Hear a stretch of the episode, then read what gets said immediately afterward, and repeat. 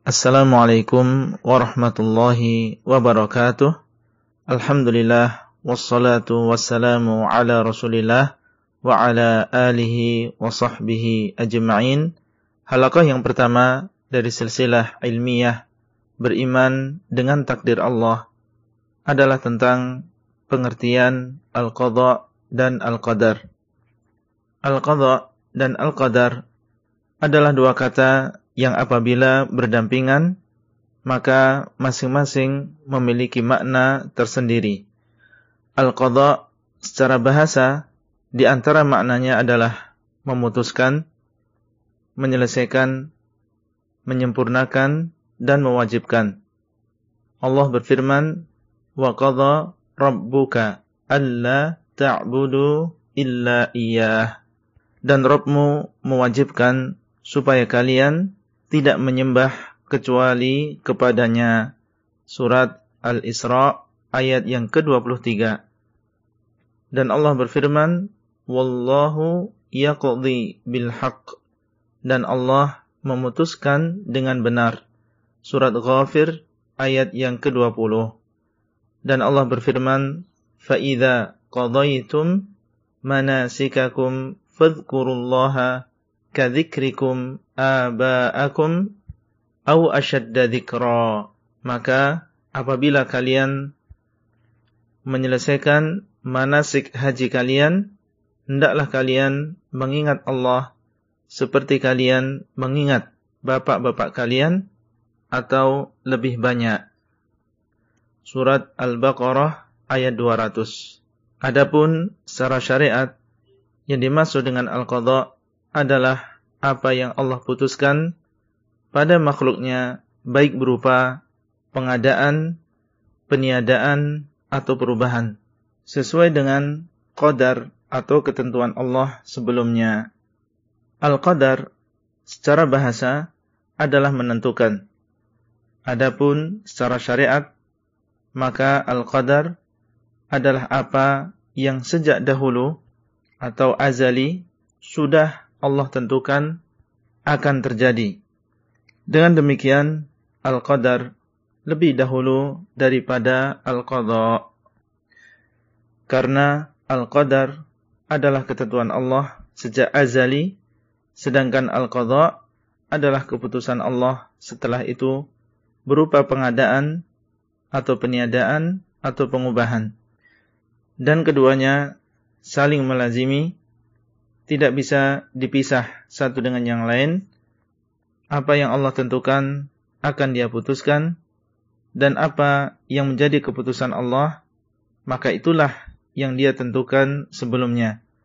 Namun apabila kata al-qadha atau al-qadar datang sendiri dalam sebuah kalimat maka maknanya mencakup makna kata yang lain. Al-qadha adalah ketentuan Allah sejak dahulu dan keputusannya. Demikian pula Al-Qadar adalah ketentuan Allah sejak dahulu dan keputusannya. Itulah yang bisa kita sampaikan pada halaqah kali ini dan sampai bertemu kembali pada halaqah selanjutnya. Wassalamualaikum warahmatullahi wabarakatuh. Abdullah Rai di kota Al-Madinah. Materi audio ini disampaikan di dalam grup WA Halaqah Silsilah Ilmiah HSI Abdullah Rai.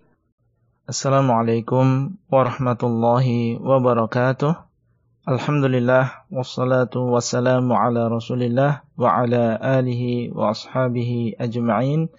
Halaqah yang kedua dari silsilah ilmiah beriman dengan takdir Allah adalah tentang dalil wajibnya beriman dengan takdir Allah. Beriman dengan takdir Allah yang baik dan yang buruk adalah termasuk salah satu di antara enam rukun iman yang harus diimani dan telah tetap kewajibannya di dalam Al-Quran, As-Sunnah, dan Ijma' dari Al-Quran Allah subhanahu wa ta'ala berfirman Inna kulla syai'in khalaqnahu biqadar Sesungguhnya kami telah menciptakan segala sesuatu dengan ketentuan. Al-Qamar ayat 49. Dan Allah berfirman, "Wa khalaqa kulla syai'in faqaddarahu taqdira." Dan dia menciptakan segala sesuatu, maka dia pun menentukan dengan sebenar-benar penentuan. Al-Furqan ayat yang kedua. Dan Allah Subhanahu wa taala berfirman, "Wa kana amrullahi qadaran maqdura." Dan perkara Allah adalah ketentuan yang sudah ditakdirkan. Surat Al-Ahzab ayat 38. Adapun dari as-sunnah maka Rasulullah sallallahu alaihi wasallam bersabda ketika ditanya oleh malaikat Jibril alaihi salam tentang iman an tu'mina billahi wa malaikatihi wa kutubihi wa rusulihi wal yaumil akhir wa tu'mina bil qadari khairihi wa syarrih. Engkau beriman kepada Allah malaikat-malaikatnya, kitab-kitabnya, rasul-rasulnya, hari akhir, dan engkau beriman dengan takdir yang baik maupun yang buruk. Hadis riwayat Muslim.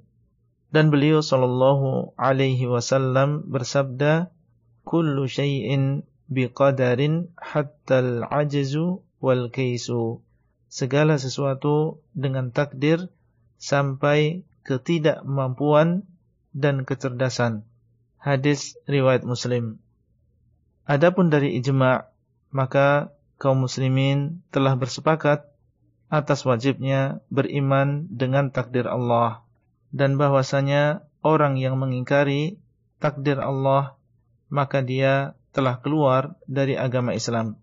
Berkata Abdullah ibnu Umar radhiyallahu anhuma ketika mendengar tentang munculnya orang-orang yang mengingkari takdir dan bahwasanya kejadian terjadi dengan sendirinya tanpa takdir fa idza laqita ulaika fa akhbirhum anni bari'un minhum wa annahum bura'a'u minni walladhi yahlifu bihi Abdullah ibn Umar law anna li ahadihim mithla Uhudin dhahaban fa'anfaqahu ma qabilallahu minhu hatta yu'mina bil qadar.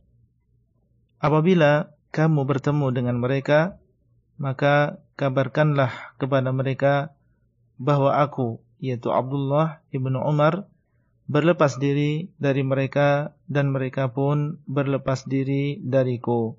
Demi zat yang Abdullah ibnu Umar bersumpah dengannya, seandainya salah seorang dari mereka memiliki emas sebesar gunung Uhud kemudian menginfakkannya maka Allah tidak akan menerima darinya sampai dia beriman dengan takdir.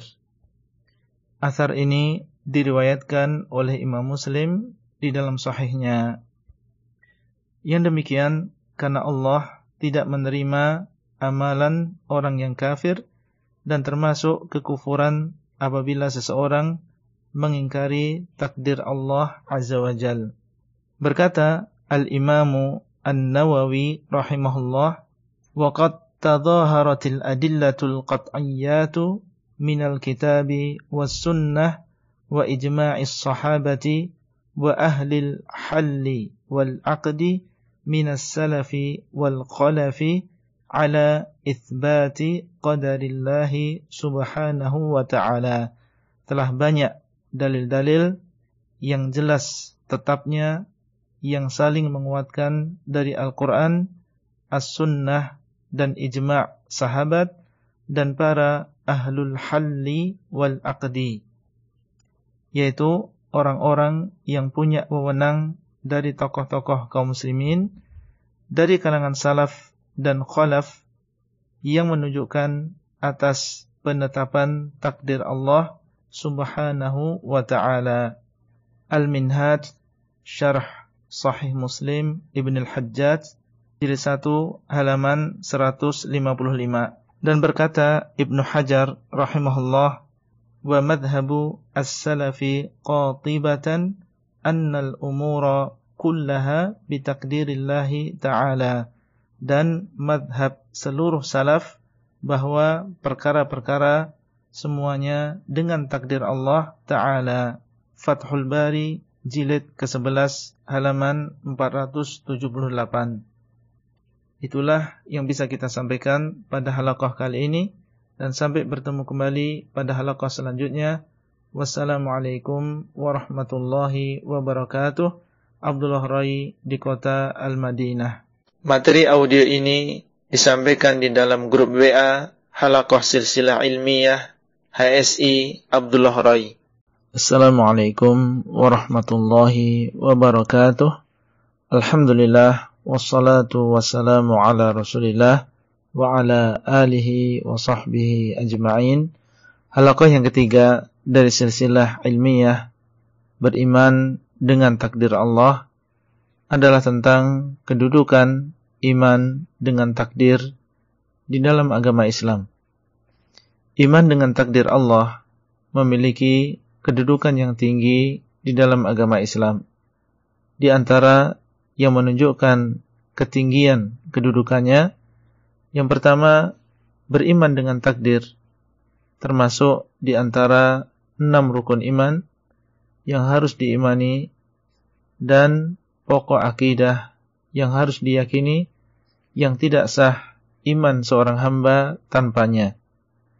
Yang kedua, beriman yang benar dengan takdir Allah yang mencakup beriman dengan ilmu Allah, penulisannya, kehendaknya, dan penciptaannya, termasuk bagian dari mentauhidkan Allah di dalam rububiyah dan sifat-sifatnya. Karena al-qadha atau memutuskan dan al-qadar atau menentukan adalah termasuk pekerjaan Allah dan pekerjaan Allah adalah termasuk sifat-sifatnya. Barang siapa yang tidak beriman dengan takdir, maka dia bukan seseorang yang mengisahkan Allah di dalam rububiyahnya. Dan ini membawa pengaruh buruk pada tauhid uluhiyahnya. Adapun orang yang beriman dengan al-qadha dan al-qadar maka akan terjaga tauhid rububiyahnya dan uluhiyahnya. Berkata Abdullah Ibnu Abbas radhiyallahu anhuma, "Al-qadaru nizamut tauhid, faman wahadallaha azza wa jal wa amana bil qadari fahiyal urwatul wuthqa allati lan fisama laha wa man wahadallaha ta'ala wa kadzdzaba bil qadari naqadat tauhida takdir adalah aturan tauhid. Barang siapa mengisahkan Allah dan beriman dengan takdir maka inilah tali yang kuat yang tidak akan terlepas dan barang siapa mentauhidkan Allah dan mendustakan takdir maka dia telah melepaskan tauhidnya. Athar ini dikeluarkan oleh Al-Firyabi di dalam kitab beliau Al-Qadar halaman 143. Yang dimaksud dengan takdir adalah aturan tauhid yaitu beriman dengan takdir menjadikan teratur dan lurus tauhid seseorang. Yang ketiga, beriman dengan takdir Allah adalah beriman dengan kudratullah atau kemampuan Allah. Barang siapa yang tidak beriman dengan takdir, berarti dia tidak beriman dengan kudratullah. Berkata Zaid ibnu Aslam, Al-qadaru kudratullahi azza wa jal. Faman kadzdzaba bil qadari faqad jahada kudratallahi azza wa jal. Takdir adalah kemampuan Allah azza wa jal. Barang siapa yang mendustakan takdir, maka dia telah mengingkari kemampuan Allah azza wa jal. Athar ini diriwayatkan oleh Al-Firyabi di dalam kitab beliau Al-Qadar halaman 144. Yang keempat, beriman dengan takdir berkaitan dengan hikmah Allah, ilmunya, kehendaknya, dan penciptaannya. Maka barang siapa yang mengingkari takdir, berarti dia telah mengingkari ilmu Allah, kehendaknya, dan penciptaannya. Yang kelima, beriman yang benar dengan takdir Allah akan membuahkan kebaikan yang banyak dan kebahagiaan di dunia dan akhirat. Sebagaimana akan datang penyebutannya di halakoh-halakoh yang terakhir dari silsilah ini. Dan kebodohan tentang beriman dengan takdir ataupun kesalahpahaman menyebabkan berbagai penyimpangan dan kesengsaraan di dunia dan akhirat. Yang keenam, beriman dengan takdir adalah akidah seluruh para nabi dan para pengikut mereka. Allah berfirman tentang Nabi Nuh alaihi salam, "Qala innama ya'tikum bihillahu insya'a."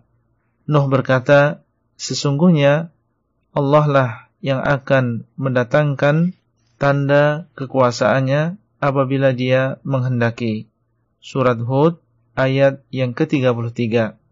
Dan Allah Subhanahu wa taala berfirman tentang Nabi Ismail alaihi salam, "Qala ya abati fa'al ma tu'maru satajiduni insyaallahu minas sabirin."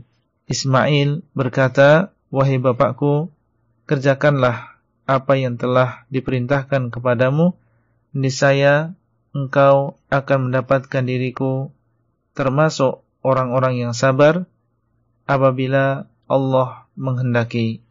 Surat As-Saffat ayat yang ke-102. Dan Allah berfirman tentang Nabi Musa alaihi salam, "Qala rabbi law syi'ta ahlaktahum min qablu wa iyaya." Musa berkata, "Wahai Rabbku, seandainya engkau menghendaki, niscaya engkau telah menghancurkan mereka dan diriku sebelum ini. Surat Al-A'raf ayat 155. Tiga ayat di atas menunjukkan keimanan para nabi alaihi musallam terhadap takdir Allah Azza wa Jal. Kemudian yang kedelapan di antara yang menunjukkan ketinggian, kedudukan beriman dengan takdir di dalam agama Islam bahwa takdir berkaitan langsung dengan kehidupan manusia setiap harinya seperti sehat, sakit, kaya, miskin, kuat, lemah, bahagia, sengsara, nikmat, adab, hidayah, kesesatan dan lain-lain. Itulah yang bisa kita sampaikan pada kesempatan kali ini dan sampai bertemu kembali pada halaqah selanjutnya. Wassalamualaikum warahmatullahi wabarakatuh. Abdullah Rai di kota Al-Madinah. Materi audio ini disampaikan di dalam grup WA Halaqah Silsilah Ilmiah HSI Abdullah Rai. Assalamualaikum warahmatullahi wabarakatuh. Alhamdulillah wassalatu wassalamu ala Rasulillah wa ala alihi wa sahbihi ajma'in. Halaqah yang keempat dari silsilah ilmiah beriman dengan takdir Allah adalah tentang cara beriman dengan takdir Allah bagian yang pertama. Cara beriman dengan takdir Allah adalah dengan mengimani maratibul qadar atau tingkatan-tingkatan takdir yang jumlahnya ada empat. Pertama, ilmu Allah yang meliputi segala sesuatu yang ada dan yang tidak ada, yang mungkin terjadi dan yang tidak mungkin terjadi. Allah Subhanahu wa taala mengetahui yang ada di langit maupun yang ada di bumi yang kelihatan maupun yang tidak kelihatan. Allah Subhanahu wa taala berfirman, "Wallahu bikulli syai'in alim."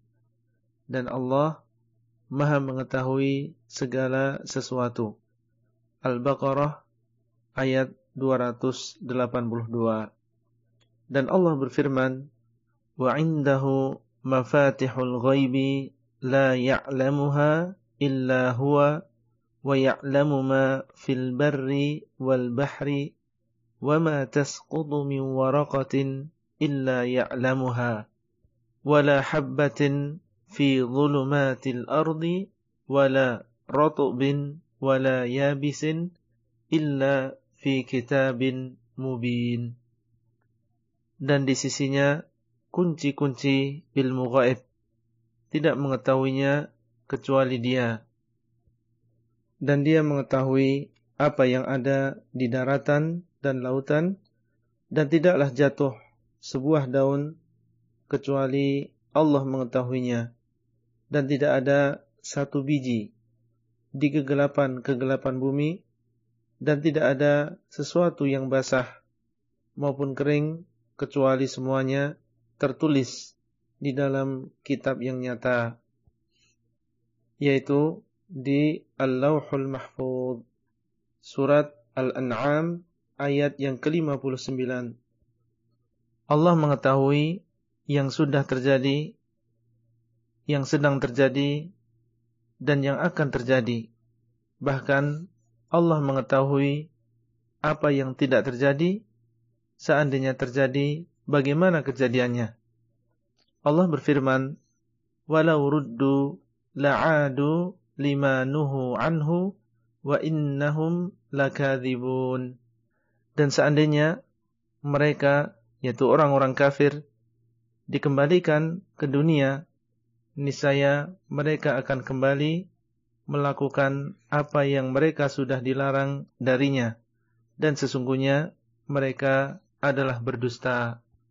Surat Al-An'am ayat yang ke-28 yaitu seandainya orang-orang kafir yang diazab di dalam neraka yang meminta supaya dikembalikan ke dunia untuk beriman dan beramal dikabulkan permintaan mereka untuk kembali ke dunia niscaya mereka akan kafir kembali dan Allah mengetahui apa yang dilakukan oleh makhluk sebelum Allah menciptakan mereka. Mengetahui rezeki, ajal, dan amalan mereka, bergerak dan diamnya mereka, kesengsaraan dan kebahagiaan mereka, bahkan Allah mengetahui siapa di antara mereka yang kelak akan masuk ke dalam surga dan siapa yang akan masuk ke dalam neraka. Sebelum Allah menciptakan mereka. Bahkan sebelum mereka diciptakan, Allah mengetahui siapa di antara mereka yang kelak akan masuk surga dan siapa di antara mereka yang kelak akan masuk neraka. Rasulullah Shallallahu Alaihi Wasallam bersabda di dalam hadis Ibnu Abbas radhiyallahu anhuma ketika Nabi Shallallahu Alaihi Wasallam ditanya tentang anak-anak orang-orang musyrikin. Beliau mengatakan, Allahu a'lamu bima kanu amilin. Allah lebih tahu tentang apa yang akan mereka amalkan. Hadis riwayat Bukhari dan Muslim.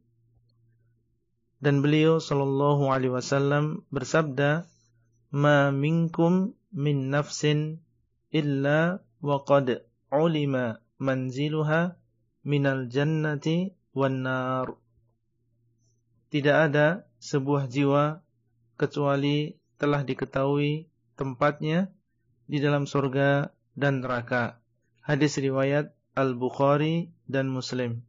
Kewajiban seorang muslim adalah berbaik sangka kepada Allah yang telah memberikan hidayah kepada agama Islam ini dan sunnah Rasulullah Sallallahu Alaihi Wasallam. Kemudian istiqamah dalam beriman dan beramal soleh sampai dia meninggal dunia. Demikian yang bisa kita sampaikan pada halakoh kali ini dan sampai bertemu kembali pada halakoh selanjutnya. Wassalamualaikum warahmatullahi wabarakatuh. Abdullah Rai di kota Al-Madinah. Materi audio ini disampaikan di dalam grup WA Halakoh Silsilah Ilmiah HSI Abdullah Rai. Assalamualaikum warahmatullahi wabarakatuh. Alhamdulillah wassalatu wassalamu ala Rasulillah wa ala alihi wa sahbihi ajma'in. Halaqah yang kelima dari silsilah ilmiah beriman dengan takdir Allah adalah tentang cara beriman dengan takdir Allah bagian yang kedua. Di antara cara beriman dengan takdir Allah adalah dengan mengimani tingkatan takdir yang kedua, yaitu penulisan Allah terhadap seluruh takdir makhluknya di dalam Al-Lawhul Mahfud. Maka tidaklah terjadi sesuatu di alam ini kecuali Allah telah menulisnya di dalam kitab tersebut. Tidak mungkin apa yang terjadi di alam ini keluar dari apa yang sudah Allah tuliskan. Dalil-dalil tentang beriman dengan penulisan Allah terhadap takdir di dalam Al-Lawhul Mahfuz dari Al-Quran di antaranya adalah firman Allah Azza wa Jal وَلَقَدْ كَتَبْنَا فِي الزَّبُورِ مِنْ بَعْدِ الذِّكْرِ أَنَّ الْأَرْضَ يَرِثُهَا عِبَادِيَ الصَّالِحُونَ Dan kami telah menulis di dalam kitab-kitab yang kami turunkan setelah sebelumnya ditulis di dalam Al-Dhikr bahwa bumi ini diwarisi oleh hamba-hambaku yang saleh. Surat Al-Anbiya ayat 105. Al-Dhikr adalah nama lain dari Al-Lawhul Mahfuz.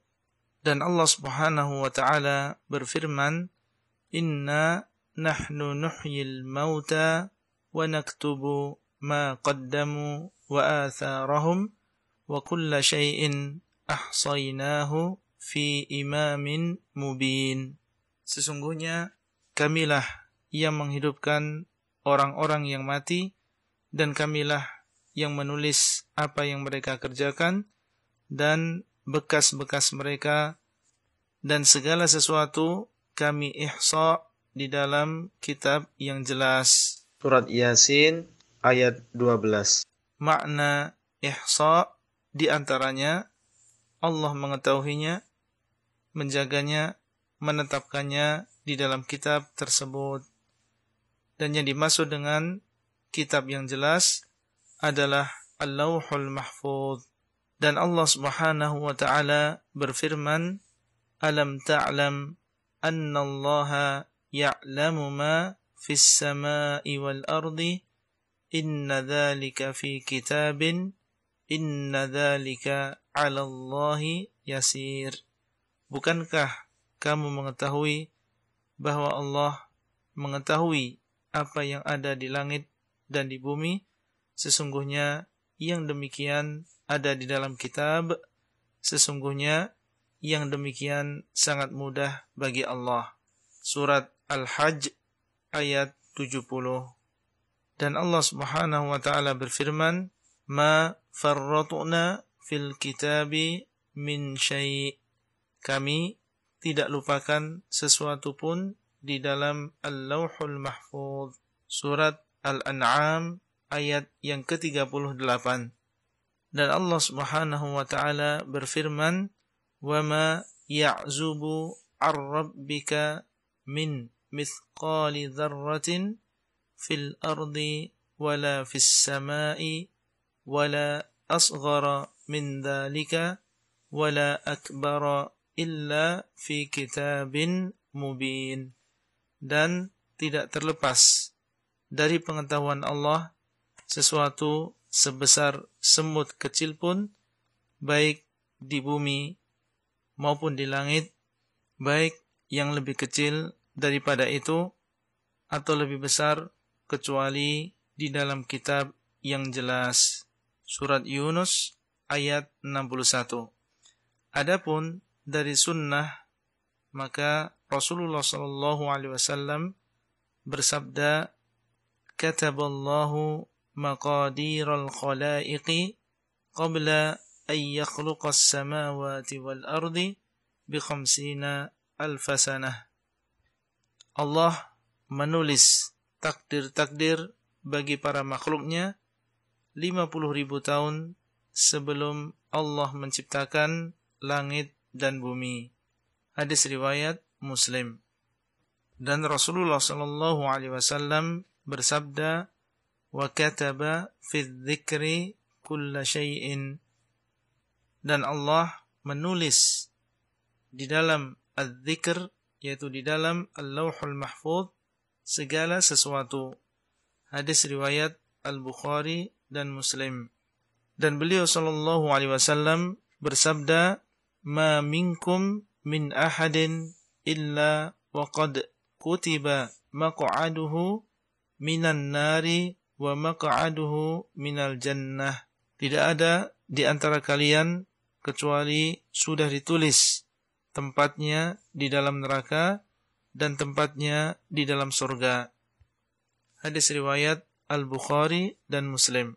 Itulah yang bisa kita sampaikan pada halaqah kali ini dan sampai bertemu kembali pada halaqah selanjutnya.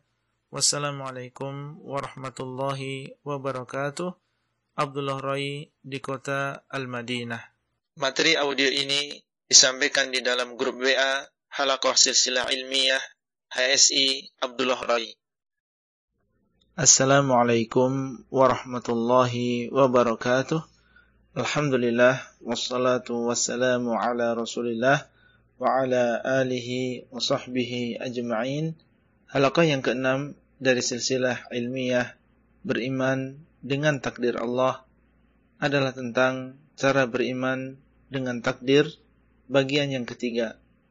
Selain beriman dengan penulisan takdir azali yang mencakup seluruh perkara, maka para ulama menyebutkan bahwa termasuk beriman dengan penulisan takdir adalah beriman dengan beberapa jenis penulisan takdir yang lain yang merupakan bagian dari penulisan takdir azali.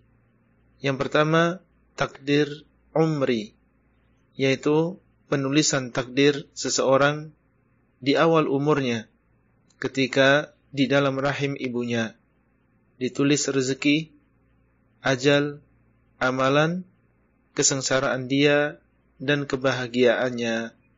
Dalilnya adalah hadis Abdullah ibnu Mas'ud radhiyallahu anhu Rasulullah sallallahu alaihi wasallam bersabda Inna ahadakum yujma'u khalquhu fi batni ummihi أربعين يوما ثم يكون في ذلك علقة مثل ذلك ثم يكون في ذلك مضغة مثل ذلك ثم يرسل الملك فينفخ فيه الروح ويؤمر بأربع كلمات بكتب رزقه wa ajalihi wa amalihi wa syaqiyyun aw sa'id. Sesungguhnya salah seorang di antara kalian dikumpulkan penciptaannya di perut ibunya selama 40 hari. Kemudian di dalamnya sebagai segumpal darah selama 40 hari. Kemudian di dalamnya sebagai segumpal daging selama 40 hari. Kemudian diutus seorang malaikat kemudian meniup nyawa di dalamnya dan diperintahkan dengan empat kalimat yaitu menulis rezekinya, ajalnya, amalannya dan apakah dia sengsara atau orang yang bahagia. Hadis riwayat Al-Bukhari dan Muslim. Yang kedua, takdir hauli yaitu takdir khusus kejadian selama satu tahun ditentukan di malam Lailatul Qadar. Allah Subhanahu wa taala berfirman Inna anzalnahu fi lailatin mubarakatin inna kunna mundirin. Fiha yufraqu kullu amrin hakim Sesungguhnya kami telah turunkan Al-Qur'an pada malam yang berbarokah. Sesungguhnya kami memberikan peringatan di dalamnya dipisahkan seluruh perkara yang kokoh. Ad-Dukhan ayat 3 sampai 4. Yang ketiga, takdir yaumi yaitu pelaksanaan apa yang sudah ditulis pada waktu yang sudah ditentukan. Dalilnya adalah firman Allah, "Kulla yaumin huwa fi sya'an. Setiap hari dia yaitu Allah dalam sebuah urusan. Ar-Rahman ayat 29. Di antara urusan Allah adalah mengampuni dosa, menciptakan, melenyapkan, menghidupkan, mematikan, memuliakan dan menghinakan, memberi dan menahan dan lain-lain. Dan perlu diketahui bahwa takdir yaumi hauli, dan umri tidak keluar dari apa yang sudah tertulis di dalam takdir azali. Itulah yang bisa kita sampaikan pada halaqah kali ini dan sampai bertemu kembali pada halaqah selanjutnya. Wassalamualaikum warahmatullahi wabarakatuh. Abdullah Rai di kota Al-Madinah. Materi audio ini disampaikan di dalam grup WA Halaqah Silsilah Ilmiah HSI Abdullah Rai. Assalamualaikum warahmatullahi wabarakatuh. Alhamdulillah wassalatu wassalamu ala Rasulillah wa ala alihi wa sahbihi ajma'in. Halaqah yang ketujuh dari silsilah ilmiah beriman dengan takdir Allah adalah tentang cara beriman dengan takdir Allah bagian yang keempat. Di antara cara beriman dengan takdir Allah adalah dengan mengimani tingkatan takdir yang ketiga yaitu masyiatullah atau kehendak Allah. Dan yang dimaksud adalah beriman bahwa apa yang Allah kehendaki pasti terjadi dan apa yang tidak Allah kehendaki maka tidak akan terjadi.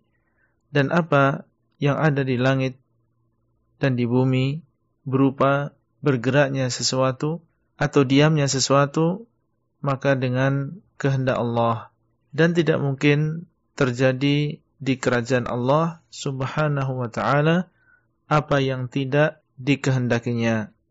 Di antara dalilnya dari Al-Qur'an adalah firman Allah, "Innama amruhu idza arada syai'an ay yaqula lahu kun fayakun.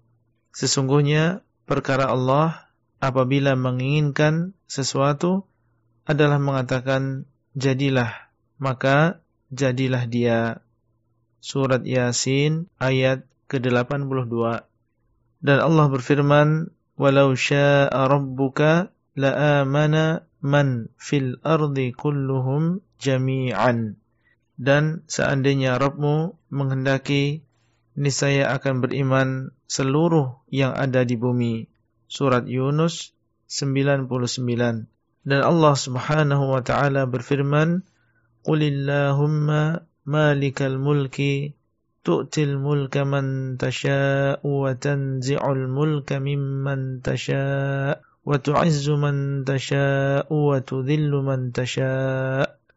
Katakanlah, ya Allah yang memiliki kerajaan engkau memberi kekuasaan kepada siapa yang engkau kehendaki dan mencabut kekuasaan dari siapa yang engkau kehendaki dan engkau memuliakan siapa yang engkau kehendaki dan menghinakan siapa yang engkau kehendaki. Surat Ali Imran ayat 26. Dan Allah berfirman, "Wa ma tasha'una illa ayyasha Allahu Rabbul Alamin. dan tidaklah kalian menginginkan kecuali dengan kehendak Allah Rabb semesta alam.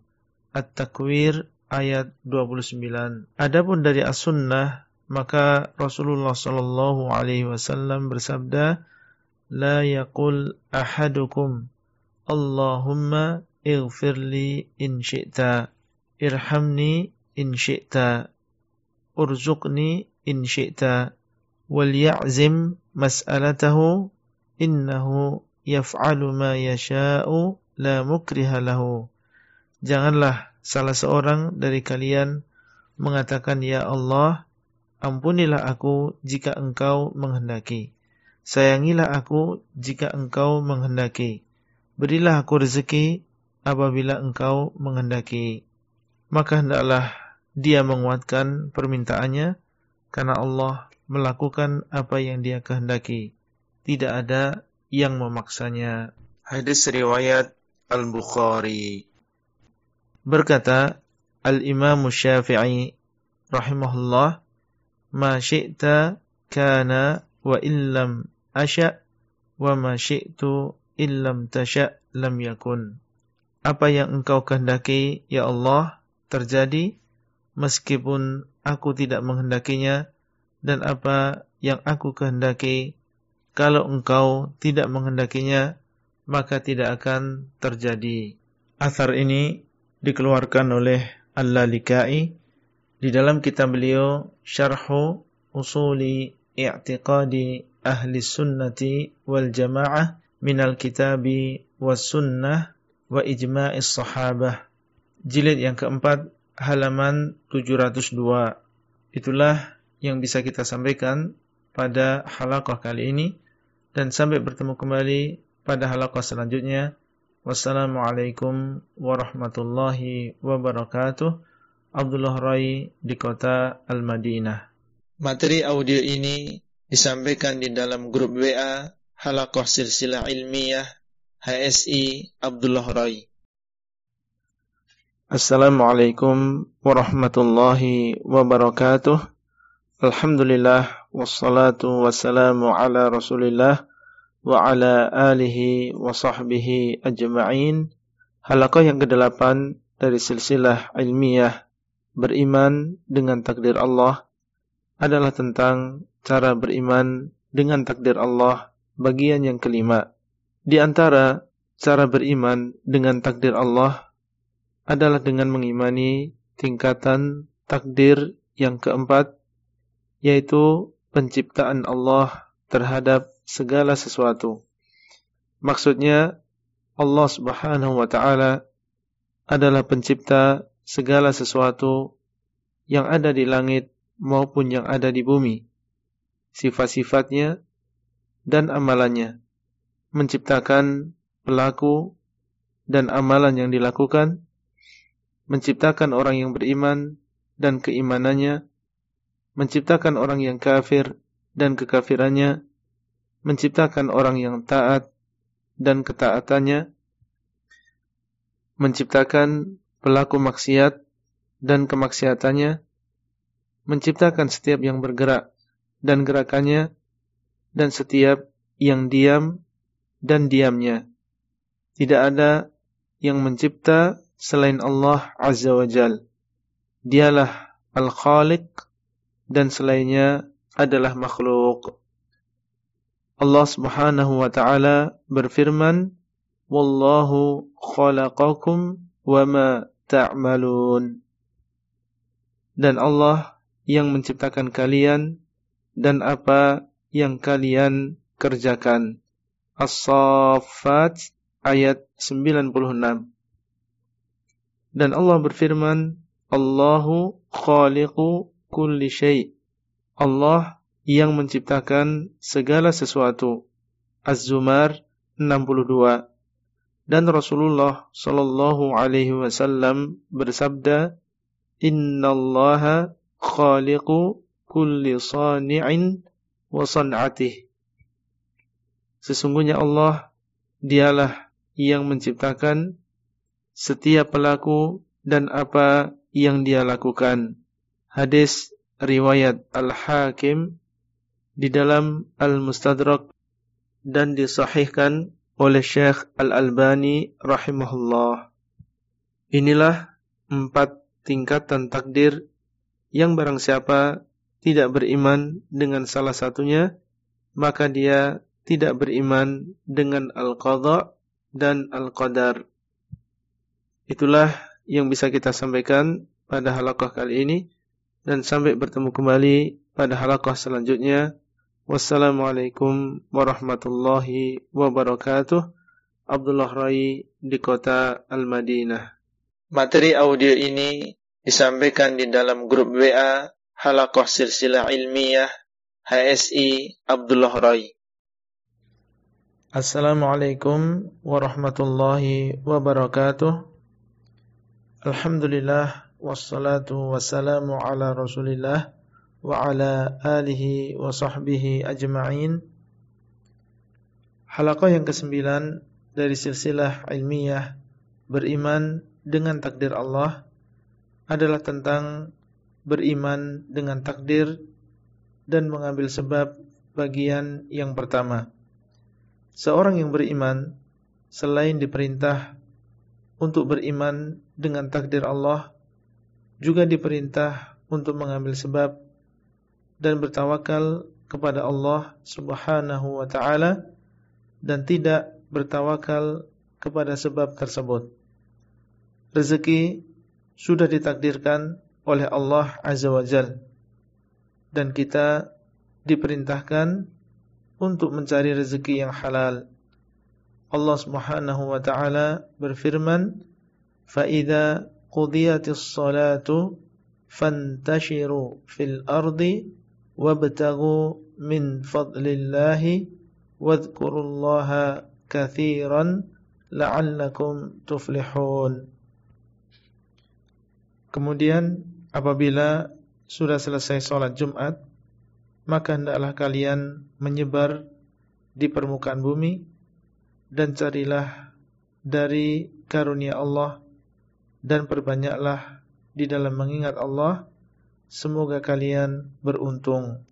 Surat Al-Jumu'ah ayat yang ke-10. Dan Allah berfirman, "Wa ahallallahu al-bai'a" dan Allah telah menghalalkan jual beli. Surat Al-Baqarah ayat 275. Dan di dalam sebuah hadis Rasulullah sallallahu alaihi wasallam bersabda, la ayyahtazima ahadukum huzmatan min hatabin fayahmilaha ala dhahrihi fayabi'aha khairun lahu min an yas'ala rajulan yu'tihi aw yamna'uhu sungguh salah seorang di antara kalian mencari satu ikat kayu bakar kemudian mengangkatnya di atas punggungnya lebih baik daripada dia meminta orang lain baik diberi atau tidak diberi. Hadis riwayat Al-Bukhari dan Muslim dari Abu Hurairah radhiyallahu anhu. Dan beliau sallallahu alaihi wasallam bersabda, "Lau annakum kuntum tawakkaluna 'ala Allahi haqqa tawakkulih la ruziqtum kama turzaqut tayru taghdu himasan wa taruhu bitanan seandainya kalian benar-benar bertawakal kepada Allah niscaya kalian akan diberi rezeki sebagaimana burung diberi rezeki pagi-pagi mereka pergi dalam keadaan lapar dan datang di sore hari dalam keadaan kenyang.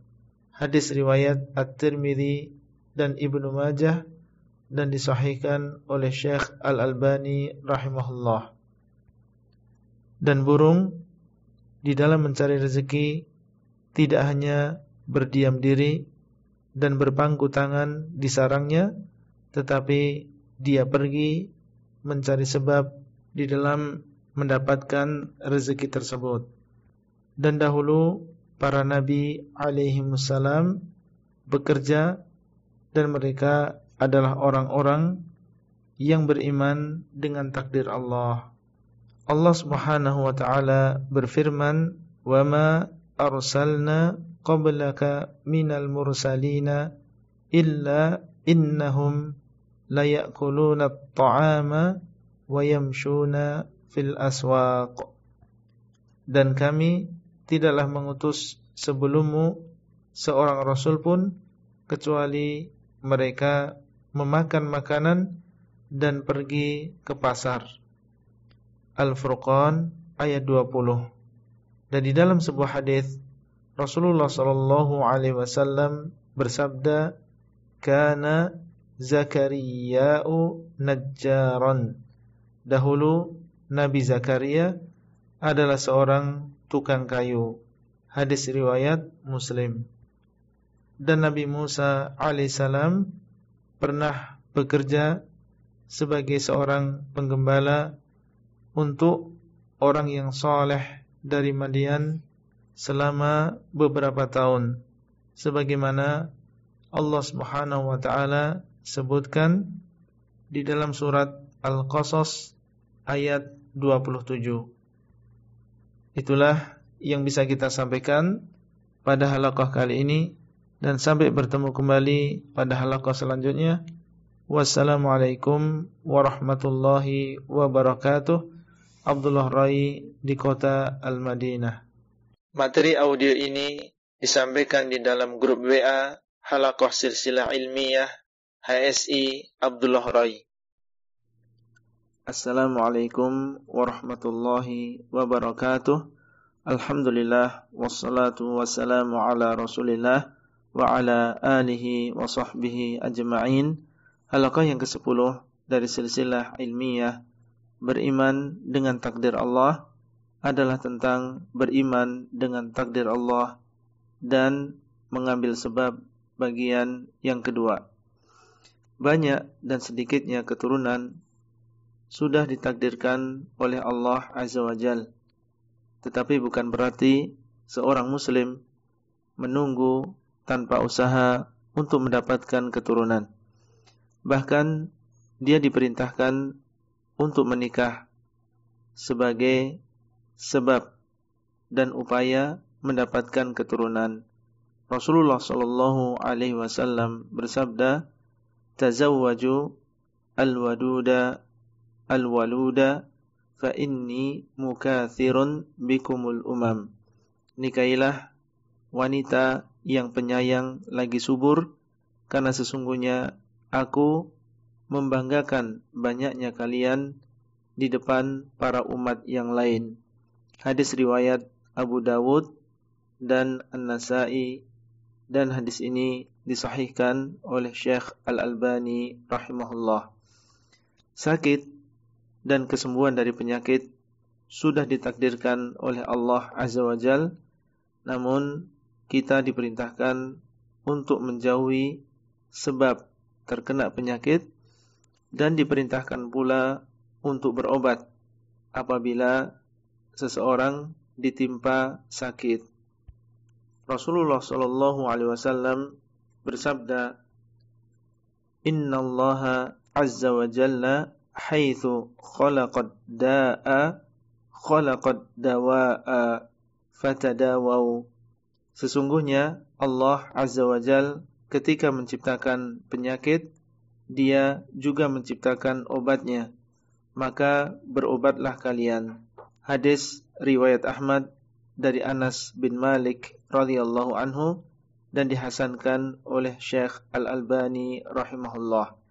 Dan beliau sallallahu alaihi wasallam bersabda tentang sikap seorang muslim terhadap taun yaitu wabah penyakit yang merata yang terjadi di sebuah daerah. Idza sami'tum bihi bi ardin fala taqdamu alaihi wa idza waqa'a bi ardin wa antum biha fala takhruju firaran minhu. Apabila kalian mendengar ta'un di sebuah daerah, maka janganlah kalian datang ke sana. Dan apabila terjadi di sebuah daerah sedangkan kalian berada di sana maka jangan kalian keluar dari daerah tersebut karena lari darinya. Hadis riwayat Al-Bukhari dan Muslim. Kematian dan juga musibah sudah ditakdirkan oleh Allah Azza wa Jal dan kita diperintahkan untuk mengambil sebab keselamatan.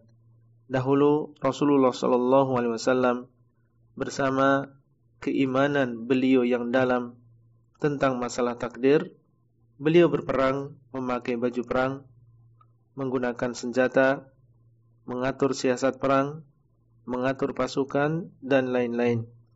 Dan ini semua menunjukkan bahwa selain kita diperintah beriman dengan takdir Allah, kita juga diperintah untuk mengambil sebab yang diperbolehkan. Demikian yang bisa kita sampaikan pada halaqah kali ini dan sampai bertemu kembali pada halaqah selanjutnya. Wassalamualaikum warahmatullahi wabarakatuh. Abdullah Rai di kota Al-Madinah. Materi audio ini disampaikan di dalam grup WA Halaqah Silsilah Ilmiah HSI Abdullah Rai. Assalamualaikum warahmatullahi wabarakatuh.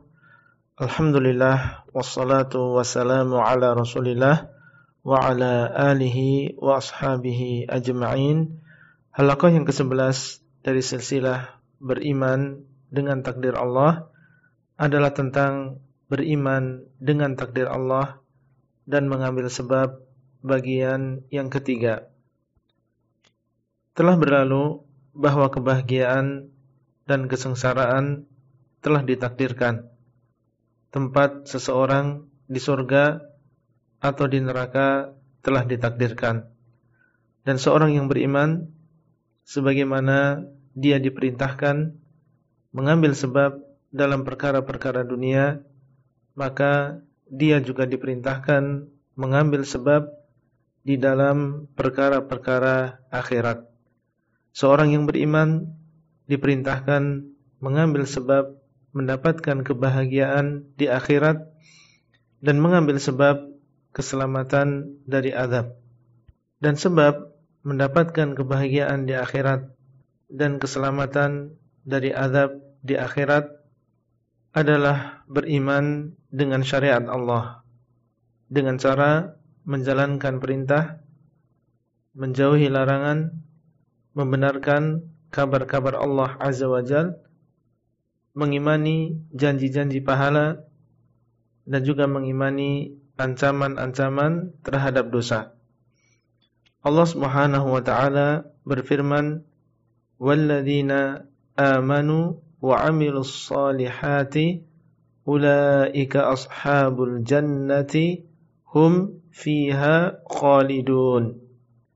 dan orang-orang yang beriman dan beramal soleh merekalah penduduk surga mereka kekal di dalamnya.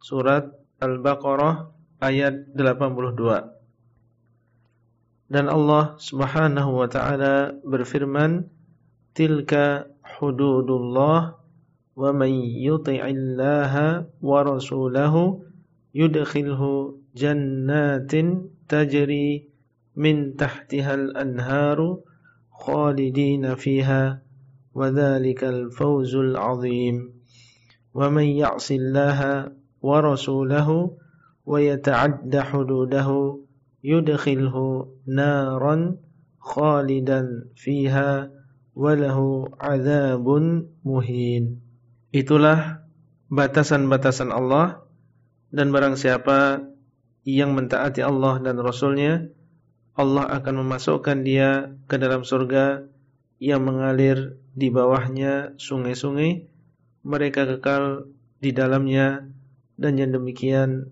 adalah keberuntungan yang sangat besar. Dan barang siapa yang bermaksiat kepada Allah dan Rasulnya dan melanggar batasan-batasan Allah maka Allah memasukkan dia ke dalam neraka kekal di dalamnya dan dia akan mendapatkan azab yang menghinakan. Surat An-Nisa ayat 13 sampai 14. Para sahabat Nabi sallallahu alaihi wasallam ketika dikabarkan oleh Nabi sallallahu alaihi wasallam bahwa tidak ada sebuah jiwa kecuali telah diketahui tempatnya di dalam surga dan neraka mereka bertanya Ya Rasulullah falima na'malu? Afala nattakilu? Wahai Rasulullah untuk apa kita beramal? Mengapa kita tidak pasrah saja? Beliau sallallahu alaihi wasallam menjawab dengan jawaban yang ringkas la i'malu fakullun muyassarun lima khuliqa lahu tidak demikian. Akan tetapi beramalah kalian. Karena masing-masing akan dimudahkan melakukan apa yang dia diciptakan untuknya. Hadis riwayat Al-Bukhari dan Muslim. Beliau sallallahu alaihi wasallam juga bersabda, "Ihris 'ala ma yanfa'uka wasta'in billahi wa la ta'jiz." Hendaklah engkau semangat melakukan apa yang bermanfaat untukmu dan memohonlah pertolongan kepada Allah dan jangan engkau merasa lemah. Hadis riwayat Muslim. Dari dalil-dalil di atas kita mengetahui bahwa seorang yang beriman diperintahkan untuk beriman dengan takdir Allah dan diperintahkan untuk beriman dengan syariat Allah. Itulah yang bisa kita sampaikan pada halaqah kali ini dan sampai bertemu kembali pada halaqah selanjutnya. Wassalamualaikum warahmatullahi wabarakatuh. Abdullah Rai di kota Al-Madinah. Materi audio ini disampaikan di dalam grup WA Halakoh Silsilah Ilmiah HSI Abdullah Rai. Assalamualaikum warahmatullahi wabarakatuh. Alhamdulillah wassalatu wassalamu ala Rasulillah wa ala alihi wa sahbihi ajma'in.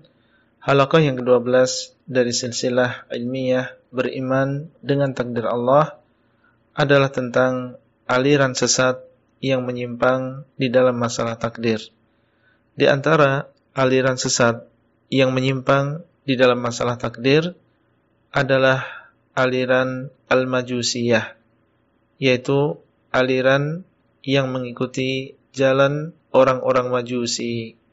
Mereka adalah orang-orang yang beriman dengan syariat akan tetapi mendustakan takdir Allah. Ada di antara mereka yang mengingkari ilmu Allah dan mengatakan bahwa Allah tidak mengetahui sesuatu kecuali setelah terjadinya.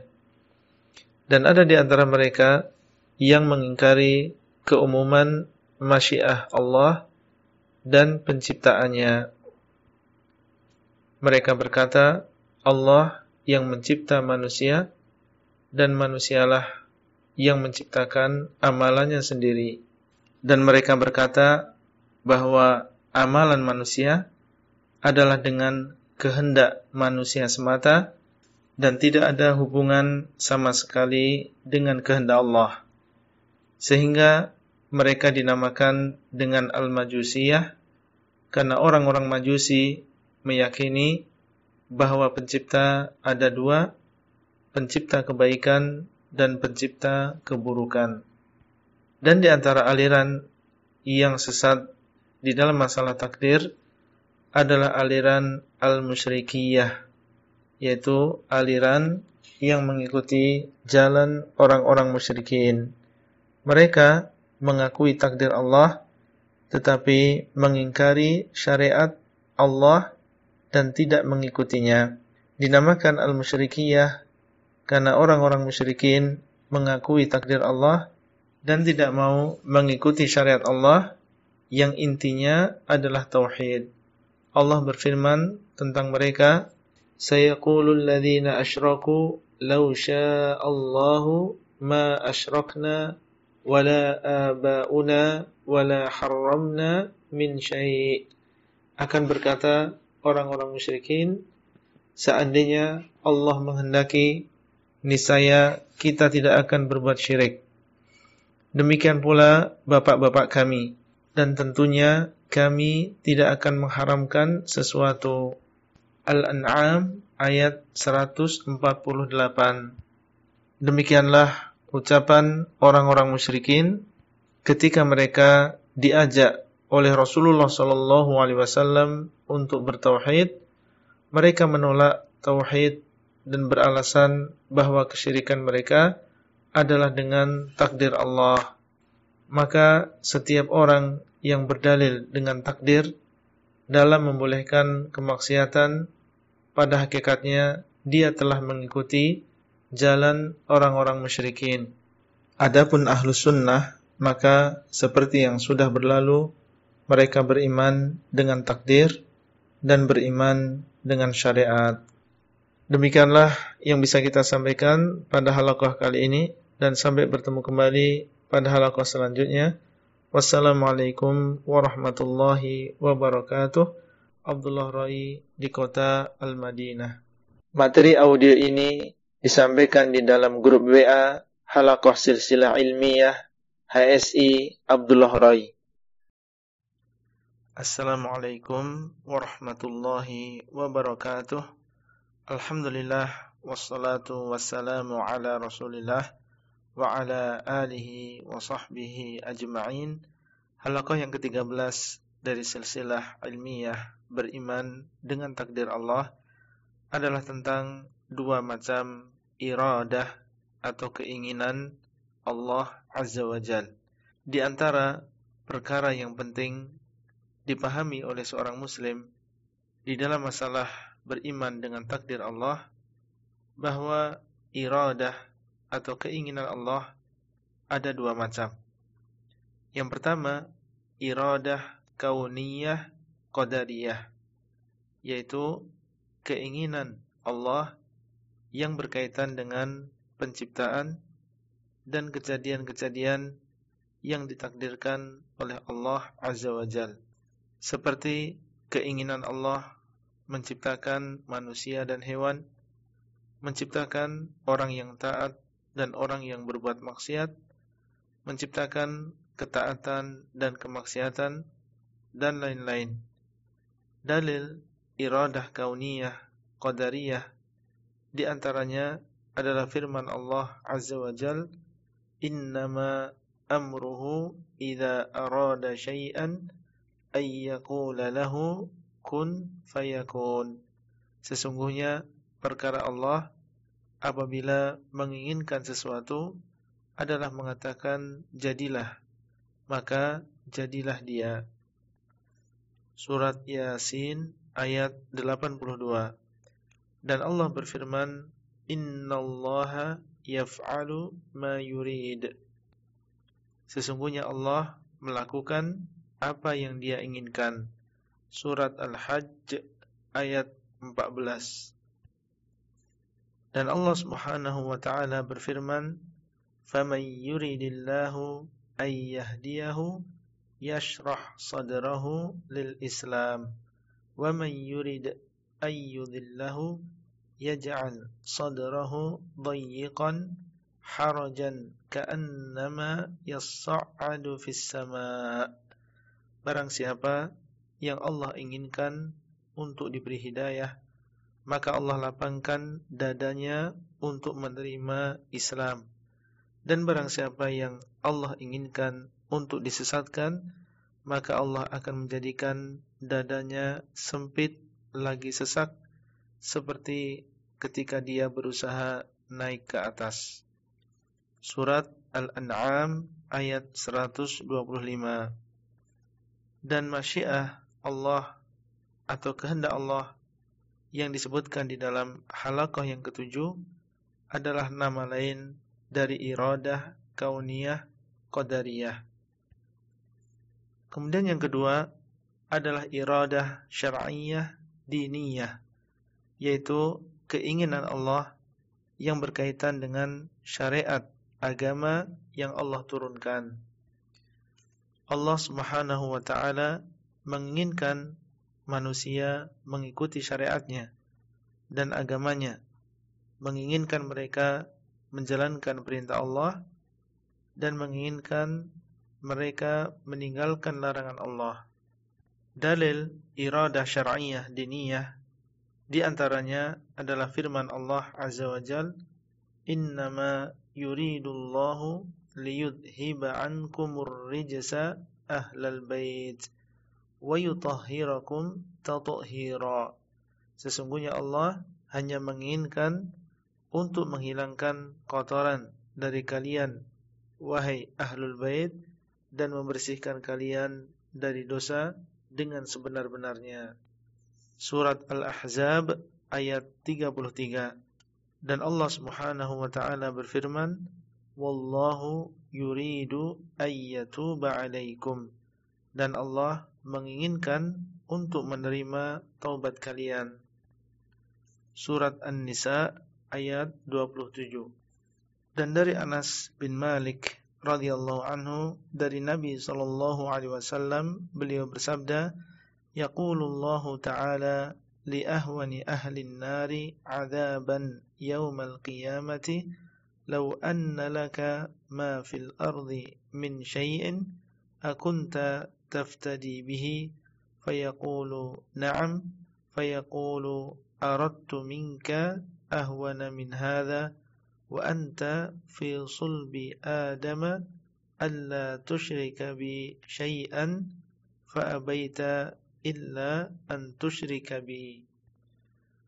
Allah Subhanahu wa taala berkata kepada penduduk neraka yang paling ringan adabnya di hari kiamat. Seandainya engkau memiliki seluruh apa yang ada di bumi, apakah engkau akan menebus dengannya? Maka dia berkata, iya. Maka Allah berkata, aku menginginkan darimu yang lebih ringan daripada ini. Sedangkan engkau saat itu berada di dalam sulbi Adam, yaitu supaya engkau tidak menyekutukan aku sedikit pun, maka engkau pun enggan kecuali menyekutukan diriku. Hadis riwayat Al-Bukhari dan Muslim. Demikian yang bisa kita sampaikan pada halaqah kali ini dan sampai bertemu kembali pada halaqah selanjutnya. Wassalamualaikum warahmatullahi wabarakatuh. Abdullah Rai di kota Al-Madinah. Materi audio ini disampaikan di dalam grup WA Halaqah Silsilah Ilmiah HSI Abdullah Rai. Assalamualaikum warahmatullahi wabarakatuh. Alhamdulillah wassalatu wassalamu ala rasulillah wa ala alihi wa sahbihi ajma'in Halakah yang ke-14 dari silsilah ilmiah beriman dengan takdir Allah adalah tentang perbedaan antara iradah kauniyah, qadariyah, dan iradah syar'iyah, diniyah. Perbedaan antara iradah kauniyah, qadariyah, dan iradah syar'iyah diniyah di antaranya yang pertama iradah kauniyah melazimkan terjadinya apa yang diinginkan oleh Allah. Misalnya Allah menginginkan menciptakan matahari, maka terciptalah matahari. Sedangkan iradah syar'iyah maka tidak melazimkan terjadinya apa yang Allah inginkan. Seperti secara syariat Allah menginginkan keislaman Abu Lahab, tetapi hal tersebut tidak terjadi. Yang kedua, di antara perbedaan iradah kauniyah dan iradah syar'iyah, bahwa iradah kauniyah tidak melazimkan apa yang Allah inginkan tersebut dicintai oleh Allah. Akan tetapi, terkadang kejadiannya ada yang dicintai oleh Allah, misal keimanan orang yang beriman, dan terkadang ada yang kejadiannya tidak dicintai oleh Allah, seperti kemaksiatan. Adapun iradah syar'iyah maka kejadiannya pasti sesuatu yang dicintai oleh Allah seperti keimanan orang yang beriman, ketaatan orang yang taat dan lain-lain. Yang ketiga, iradah kauniyah tidak melazimkan bahwa itu diperintah oleh Allah. Sedangkan iradah syar'iyah melazimkan bahwa hal tersebut diperintahkan oleh Allah. Artinya, setiap yang diinginkan oleh Allah secara syariat berarti dia diperintahkan. Itulah yang bisa kita sampaikan pada halakoh kali ini dan sampai bertemu kembali pada halakoh selanjutnya. Wassalamualaikum warahmatullahi wabarakatuh. Abdullah Rai di kota Al-Madinah. Materi audio ini disampaikan di dalam grup WA Halakoh Silsilah Ilmiah HSI Abdullah Rai. Assalamualaikum warahmatullahi wabarakatuh. Alhamdulillah wassalatu wassalamu ala Rasulillah wa ala alihi wa sahbihi ajma'in. Halakah yang ke-15 dari silsilah ilmiah beriman dengan takdir Allah adalah tentang beberapa contoh keadaan yang berkaitan dengan iradah syar'iyah dan iradah kauniyah. Contoh yang pertama, keimanan Abu Bakar. Keimanan Abu Bakar berkaitan dengannya dua iradah sekaligus. Iradah syar'iyah dan iradah kauniyah. Berkaitan dengannya iradah syar'iyah karena Allah mencintai dan menginginkan keimanan Abu Bakar. Dan berkaitan dengannya iradah kauniyah karena Allah mentakdirkan, mewujudkan dan menciptakan keimanan Abu Bakar. Contoh yang kedua, keimanan Abu Jahal. Keimanan Abu Jahal berkaitan dengannya iradah syar'iyah saja dan tidak berkaitan dengannya iradah kauniyah.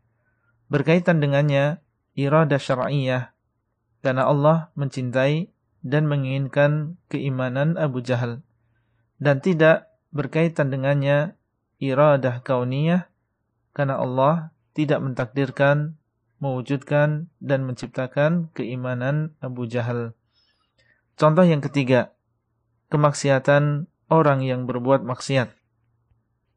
Kemaksiatan orang yang berbuat maksiat berkaitan dengannya iradah kauniyah saja dan tidak berkaitan dengannya iradah syar'iyah. Berkaitan dengannya iradah kauniyah karena Allah mentakdirkan, mewujudkan dan menciptakan kemaksiatan tersebut dan tidak berkaitan dengannya iradah syar'iyah karena secara syariat Allah tidak mencintai dan menginginkan kemaksiatan tersebut. Contoh yang keempat, kekufuran orang yang beriman yang tidak terjadi. Hal ini tidak berkaitan dengannya dua iradah. Tidak berkaitan dengannya iradah syar'iyah karena secara syariat Allah tidak mencintai dan tidak menginginkan kekufuran orang yang beriman dan tidak berkaitan dengannya iradah kauniyah karena Allah tidak mentakdirkan kekufuran orang yang beriman dan tidak mewujudkannya serta tidak menciptakannya. Itulah yang bisa kita sampaikan pada halakah kali ini dan sampai bertemu kembali pada halakah selanjutnya. Wassalamualaikum warahmatullahi wabarakatuh. Abdullah Rai di kota Al-Madinah. Materi audio ini disampaikan di dalam grup WA Halakah Silsilah Ilmiah HSI Abdullah Rai. Assalamualaikum warahmatullahi wabarakatuh. Alhamdulillah wassalatu wassalamu ala Rasulillah wa ala alihi wa sahbihi ajma'in. Halaqah yang ke-16 dari silsilah ilmiah beriman dengan takdir Allah adalah tentang aliran yang menyimbang di dalam masalah iradah syar'iyah dan iradah kauniyah. Aliran yang menyimpang di dalam masalah iradah syar'iyah dan iradah kauniyah adalah al-qadariyah dan Al-Jabriyah. Mereka tidak membedakan antara iradah syar'iyah dan iradah kauniyah. Mereka menganggap bahwa semua yang terjadi adalah dicintai oleh Allah. Adapun Al-Qadariyah, maka mereka mengatakan bahwa setiap yang diinginkan oleh Allah pasti dicintai oleh Allah.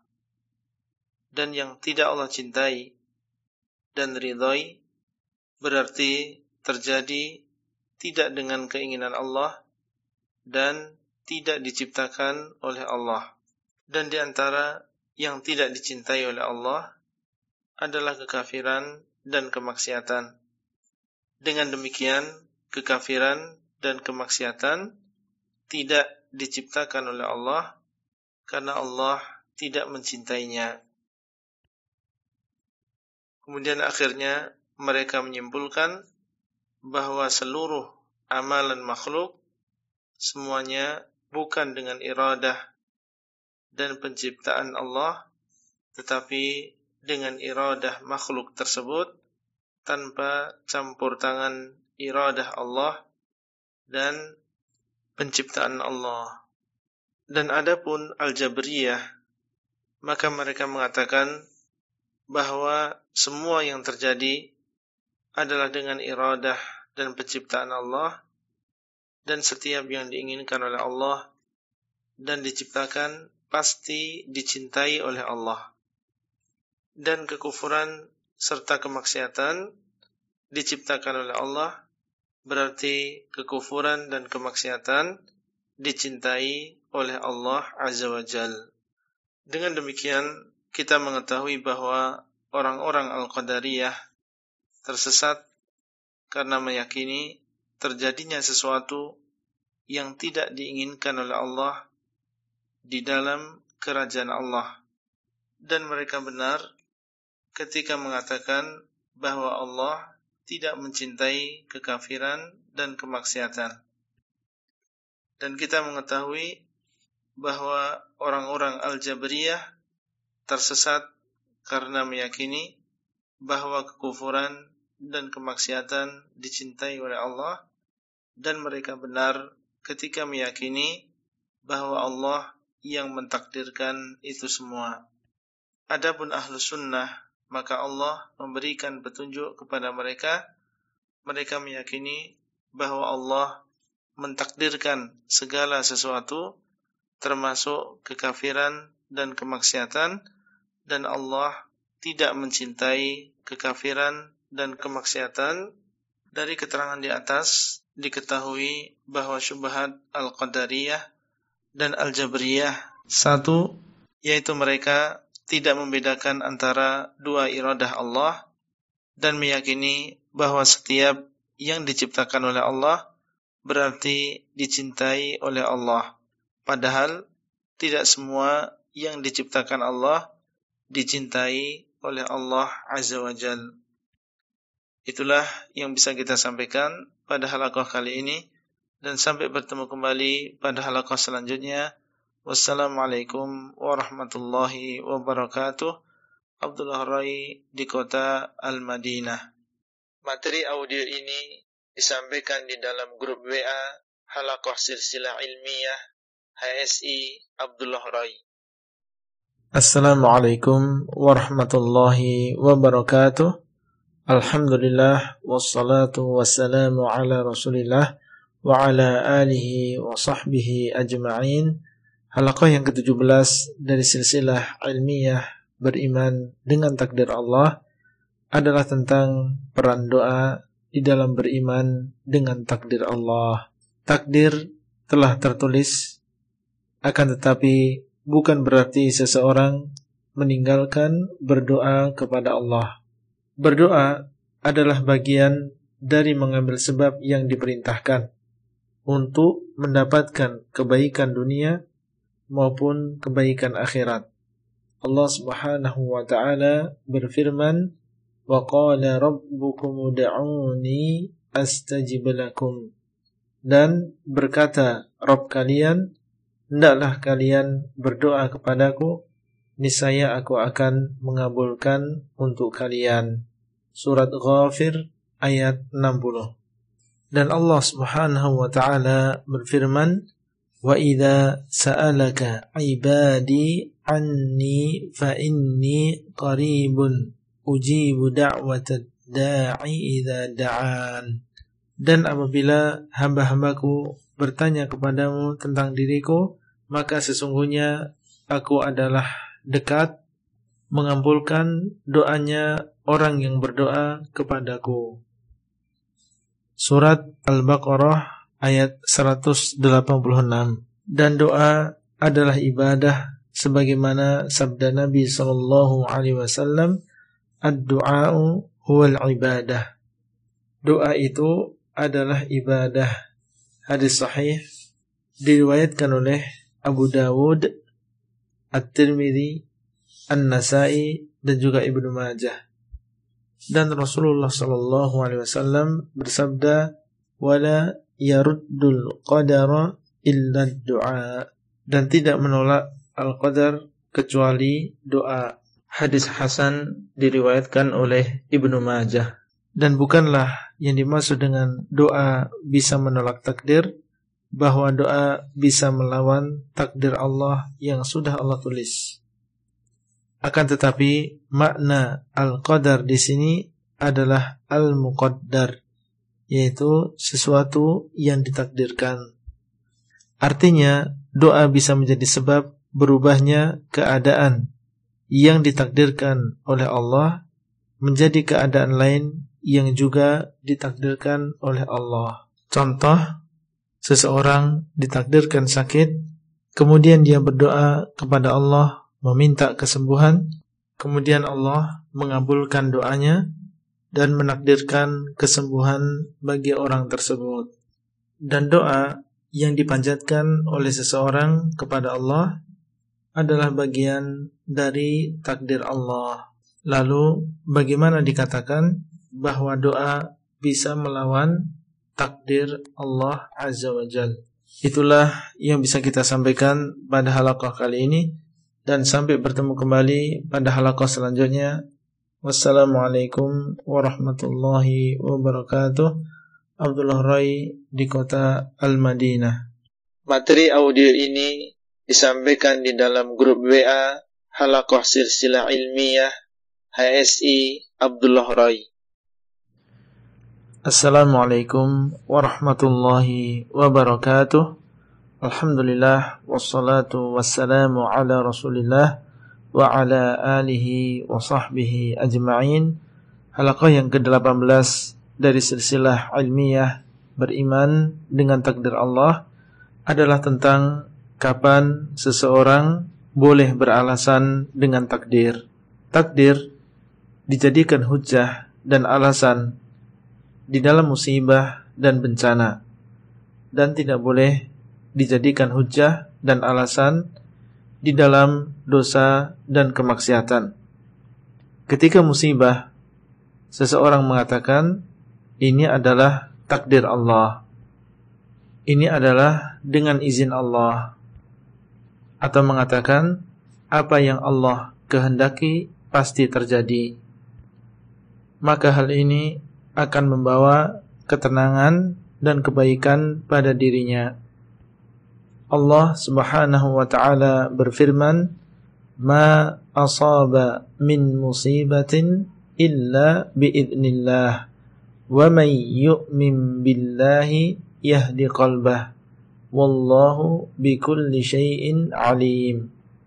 Tidaklah menimpa sebuah musibah kecuali dengan izin Allah dan barang siapa yang beriman kepada Allah maka Allah akan memberikan petunjuk kepada dirinya dan Allah Maha mengetahui segala sesuatu. Surat At-Taghabun ayat yang ke-11.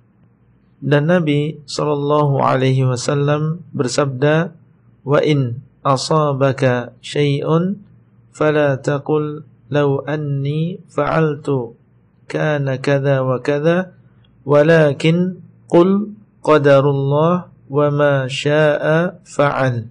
Fa inna law taftahu amal syaitan.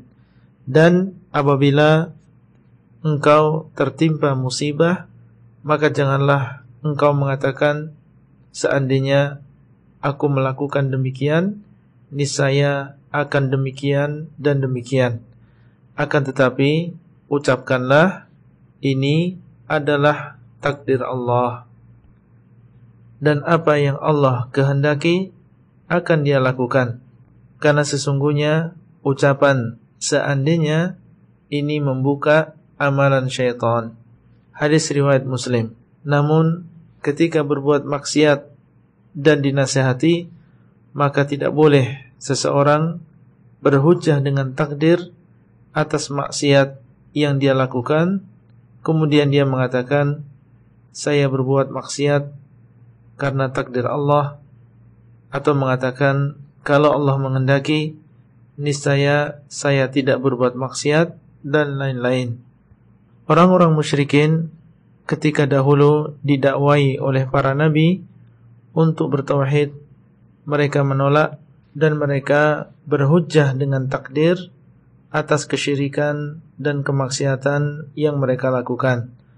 Allah Subhanahu wa taala berfirman, "Wa qala alladziina asyraku law syaa'a Allahu ma 'abadna min dunihi min syai'in nahnu wala aba'una wala harramna min dunihi min syai' kadzalika fa'ala alladziina min qablihim fahal 'ala ar-rusuli illa al-balaghul mubin dan berkata orang-orang musyrikin seandainya Allah menghendaki niscaya kami tidak menyembah selain Allah sedikit pun kami dan bapak-bapak kami dan niscaya kami tidak mengharamkan sedikit pun demikianlah orang-orang sebelum mereka melakukan maka tidak ada kewajiban atas Rasul kecuali menyampaikan dengan jelas.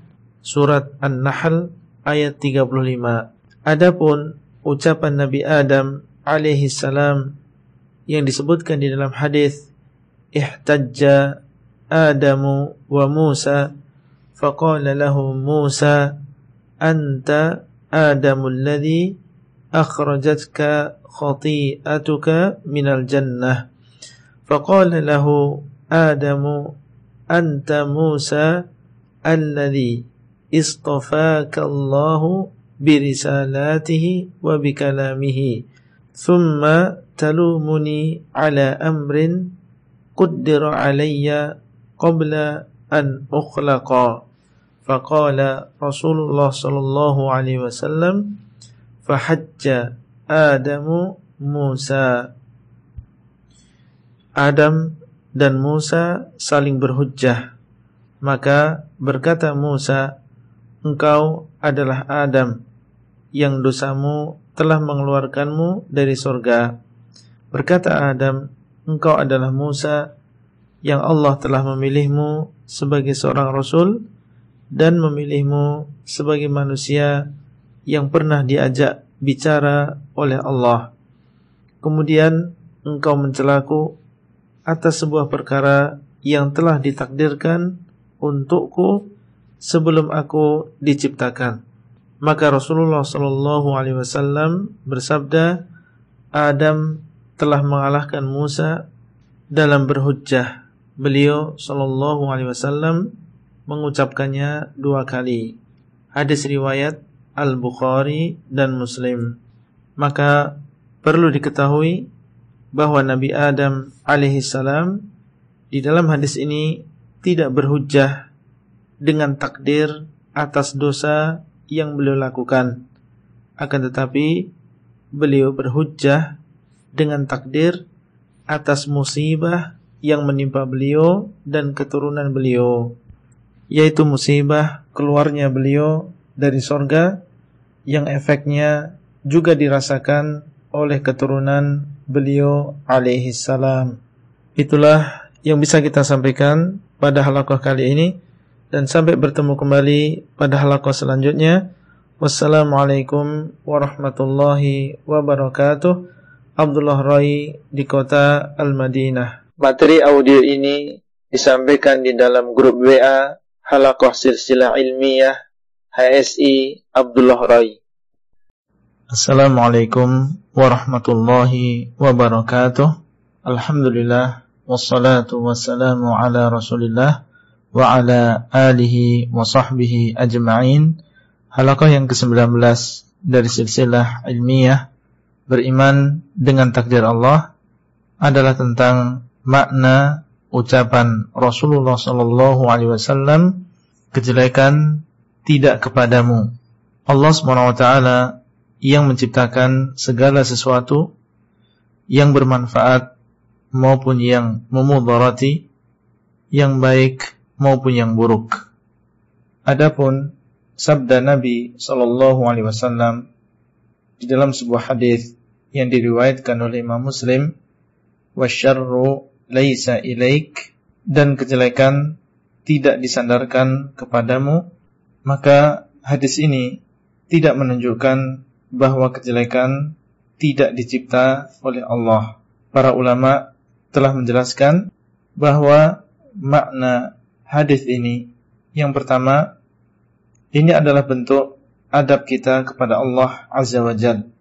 Tidak boleh kita berkata wahai yang menciptakan kejelekan atau mengatakan wahai pencipta babi meskipun Allah SWT dialah yang menciptakan itu semua. Yang kedua, Allah taala tidak menciptakan kejelekan secara murni kejelekan. Kejelekan yang Allah ciptakan pasti ada hikmahnya. Dilihat dari sisi hikmah inilah kejelekan yang menimpa manusia tersebut adalah baik di pandangan Allah Azza wa Jalla. Maka tidak boleh disandarkan kejelekan kepada Allah Azza wa Jal. Misalnya, Allah menakdirkan rezeki. Ada di antara manusia yang diluaskan rezekinya dan ada yang disempitkan. Disempitkan dengan hikmah dan diluaskan dengan hikmah. Dan di antara hikmah disempitkan rezeki seseorang adalah supaya dia tidak berlebihan di dunia supaya dia banyak berdoa dan mendekatkan diri kepada Allah dan di antara hikmahnya adalah supaya terjadi saling membutuhkan antara orang yang kaya dan orang yang miskin. Dan yang ketiga, ada di antara ulama yang mengatakan bahwa makna ucapan Nabi sallallahu alaihi wasallam kejelekan tidak disandarkan kepadamu Maksudnya tidak boleh bertakarrub kepada Allah dengan kejelekan. Dan yang keempat, ada di antara ulama yang mengatakan bahwa maknanya kejelekan tidak akan sampai kepada Allah. Tetapi kebaikan itulah yang akan sampai kepada Allah. Penyandaran kejelekan di dalam dalil tidak dilakukan secara khusus kepada Allah tetapi terkadang dengan penyandaran umum seperti firman Allah Azza wa Jal Allahu khaliqu kulli syai' Allah yang menciptakan segala sesuatu. Surat Az-Zumar ayat 62 Dan terkadang disandarkan kejelekan tersebut kepada penyebabnya. Sebagaimana firman Allah min syarri ma khalaq. Dari kejelekan apa yang dia ciptakan. Surat al-falaq ayat yang kedua. Dan terkadang Allah SWT menggunakan kalimat yang pasif. Sebagaimana firman Allah wa anna la nadri asyarrun urida biman fil ardi am arada bihim rabbuhum rasyada dan sesungguhnya kami yaitu bangsa jin tidak mengetahui apakah kejelekan yang diinginkan terhadap penduduk bumi ataukah Rabb mereka menginginkan bagi penduduk bumi kebaikan. Surat Al-Jin ayat yang ke-10. Itulah yang bisa kita sampaikan pada halakoh kali ini. dan sampai bertemu kembali pada halaqah selanjutnya. Wassalamualaikum warahmatullahi wabarakatuh. Abdullah Rai di kota Al-Madinah. Materi audio ini disampaikan di dalam grup WA Halaqah Silsilah Ilmiah HSI Abdullah Rai. Assalamualaikum warahmatullahi wabarakatuh. Alhamdulillah wassalatu wassalamu ala Rasulillah wa ala alihi wa sahbihi ajma'in. Halaqah yang ke-20 dari silsilah ilmiah beriman dengan takdir Allah adalah tentang amalan hamba ikhtiyariyah menurut ahlu sunnah. Amalan hamba terbagi menjadi dua. Amalan hamba ittirariyah, yaitu amalan hamba yang seorang hamba tidak bisa memilih. Seperti gerakan orang yang menggigil. Yang kedua, amalan hamba ikhtiyariyah, yaitu amalan hamba yang seseorang bisa memilih. Seperti amalan-amalan ketaatan dan amalan-amalan kemaksiatan. Ahlu sunnah wal jamaah meyakini bahwa Allah yang menciptakan amalan mereka, bukan mereka sendiri yang menciptakan amalan tersebut. Sebagaimana keyakinan orang-orang Qadariyah. Allah Subhanahu wa taala berfirman, "Wallahu khalaqakum wa ma ta'malun." Dan Allah dialah yang menciptakan kalian dan apa yang kalian kerjakan. Surat As-Saffat ayat 96.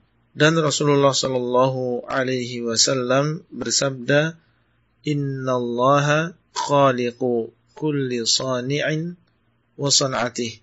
Sesungguhnya Allah yang menciptakan setiap pelaku dan apa yang dia lakukan. Hadis sahih diriwayatkan oleh Al-Hakim di dalam Al-Mustadrak. Dan Ahlu Sunnah meyakini bahwa para hamba mereka lah pelaku dari apa yang mereka amalkan. Allah yang menciptakan keimanan dan kekafiran, dan seorang hamba, dialah yang beriman, dan dialah yang kafir. Allah menciptakan ketaatan dan kemaksiatan, dan hamba, dialah yang taat, dan dialah yang bermaksiat. Allah menciptakan salat dan puasa, dan hambalah yang melakukan sholat dan dialah yang melakukan puasa. Bukan Allah subhanahu wa ta'ala yang menjadi pelaku itu semua. Sebagaimana diyakini oleh orang-orang Al-Jabriyah. Allah berfirman, فَلَا تَعْلَمُ نَفْسٌ مَا أُخْفِيَ لَهُمْ مِنْ قُرَّةِ أَعْيُنٍ جَزَاءً بِمَا كَانُوا يَعْمَلُونَ Maka sebuah jiwa tidak mengetahui apa yang disembunyikan untuk mereka berupa hal-hal yang menyejukkan mata mereka sebagai balasan atas apa yang mereka amalkan. Surat As-Sajdah ayat 17. Di dalam ayat ini Allah mengabarkan bahwa amal yang dilakukan para hamba adalah sebab mereka mendapatkan kenikmatan di surga. Menunjukkan bahwa pelaku amalan tersebut adalah hamba dan bukan Allah. Allah Subhanahu wa taala memberikan para hamba kudrah atau kemampuan sebagaimana firman Allah, "La yukallifullahu nafsan illa wus'aha." Allah tidak membebani sebuah jiwa kecuali sesuai dengan kemampuannya. Surat Al-Baqarah ayat 286 dan Allah juga memberikan mereka iradah atau keinginan. Allah lah yang menciptakan iradah pada diri mereka dan iradah mereka di bawah iradah Allah Subhanahu wa taala. Allah berfirman, "Liman syaa'a minkum ayyastaqim wa ma tasha'una illa ayyasha Allahu rabbul alamin. bagi siapa di antara kalian yang ingin istiqomah dan tidaklah kalian menghendaki istiqomah kecuali dengan kehendak Allah Rabb semesta alam. Surat At-Takwir ayat 28 sampai 29. Ini semua menunjukkan tentang batilnya ucapan Al-Jabriyah bahwa hamba dipaksa melakukan ketaatan atau kemaksiatan, tidak ada pilihan bagi mereka. Mereka tidak memiliki kudrah dan iradah. Keadaan mereka seperti gerakan pohon yang tertiup angin mengikuti ke mana arah angin tersebut. Itulah yang bisa kita sampaikan pada halakoh kali ini dan sampai bertemu kembali pada halakoh selanjutnya. Wassalamualaikum warahmatullahi wabarakatuh. Abdullah Rai di kota Al-Madinah. Materi audio ini disampaikan di dalam grup WA Halakoh Silsilah Ilmiah HSI Abdullah Rai. Assalamualaikum warahmatullahi wabarakatuh. Alhamdulillah wassalatu wassalamu ala Rasulillah wa ala alihi wa sahbihi ajma'in. Halaqah yang ke-21 dari silsilah ilmiah beriman dengan takdir Allah adalah tentang hidayah, taufik dan kesesatan menurut ahlu sunnah. Hidayah terbagi menjadi dua yang pertama, hidayatul irsyad, yaitu bimbingan dan arahan menuju jalan yang benar. Hidayah jenis ini dimiliki oleh para nabi dan orang-orang yang mengikuti para nabi dari kalangan para dai karena mereka membimbing dan mengarahkan manusia kepada jalan Allah. Allah berfirman, "Wa innaka latahdi ila siratin mustaqim dan sesungguhnya engkau sungguh-sungguh memberikan hidayah kepada jalan yang lurus. Surat Asy-Syura ayat 52. Maksudnya adalah membimbing dan mengarahkan menuju jalan yang lurus. Yang kedua, hidayatut taufiq, yaitu pembukaan hati dan pelapangan dada untuk menerima kebenaran dan mengamalkannya. Hidayah taufik ini hanya dimiliki oleh Allah, tidak dimiliki oleh nabi dan dai. Allah berfirman, "Innaka la tahdi man ahbabta, walakinallaha yahdi man yasha'u wa huwa a'lamu bil muhtadin." Sesungguhnya engkau tidak memberikan hidayah kepada orang yang engkau cintai, akan tetapi Allah lah yang memberikan hidayah kepada siapa yang dia kehendaki dan dia lebih mengetahui siapa orang yang mendapatkan petunjuk. Al-Qasas ayat 56. Hidayah taufik Allah berikan kepada siapa yang dikehendaki dan kesesatan juga Allah berikan kepada siapa yang dikehendaki. Allah berfirman, "Kadzalika yudhillullahu man yasha'u wa yahdi man yasha'." Demikianlah Allah menyesatkan siapa yang dikehendaki dan memberikan petunjuk kepada siapa yang dikehendaki. Al-Muddathir ayat 31. Barang siapa yang Allah berikan hidayah taufik maka tidak ada yang bisa menyesatkannya. Dan barang siapa yang Allah sesatkan, maka tidak ada yang bisa memberikan hidayah. Allah Subhanahu wa taala berfirman, "May yudlilillahu fala hadiyalah." Barang siapa yang Allah sesatkan, maka tidak akan ada yang memberikan hidayah. Surat Al-A'raf ayat 186. Dan Allah berfirman, "Wa may yahdillahu fama lahu min mudil." Dan barang siapa yang Allah berikan hidayah, maka tidak ada yang bisa menyesatkan dirinya. Az-Zumar ayat 37. Dan Rasulullah sallallahu alaihi wasallam bersabda, may yahdihillahu fala mudilla lahu wa may yudlil fala hadiyalah. Barang siapa yang Allah berikan hidayah, maka tidak ada yang menyesatkan dan barang siapa yang Allah sesatkan, maka tidak ada yang memberikan hidayah. Hadis riwayat Muslim. Allah memberikan petunjuk kepada siapa yang Dia kehendaki dengan karunia-Nya dan anugerahnya dan Allah lebih mengetahui siapa di antara hambanya yang berhak untuk mendapatkan petunjuk? Dan Allah menyesatkan siapa yang Allah kehendaki dengan keadilannya. Dan Allah lebih tahu siapa yang berhak untuk disesatkan. Kesesatan tersebut adalah keadilan Allah dan bukan kezalimannya. Karena Allah Subhanahu wa taala telah menegakkan hujjah atas hambanya memberikan kesempatan baginya untuk mengikuti petunjuk Allah diberikan akal untuk berpikir dan memilih diutus kepadanya seorang rasul yang menjelaskan diturunkan kepadanya kitab dan diperlihatkan kepadanya jalan yang lurus. Apabila dia adalah orang yang hilang akalnya atau anak yang belum balik atau orang yang tidur maka tidak ditulis amalannya.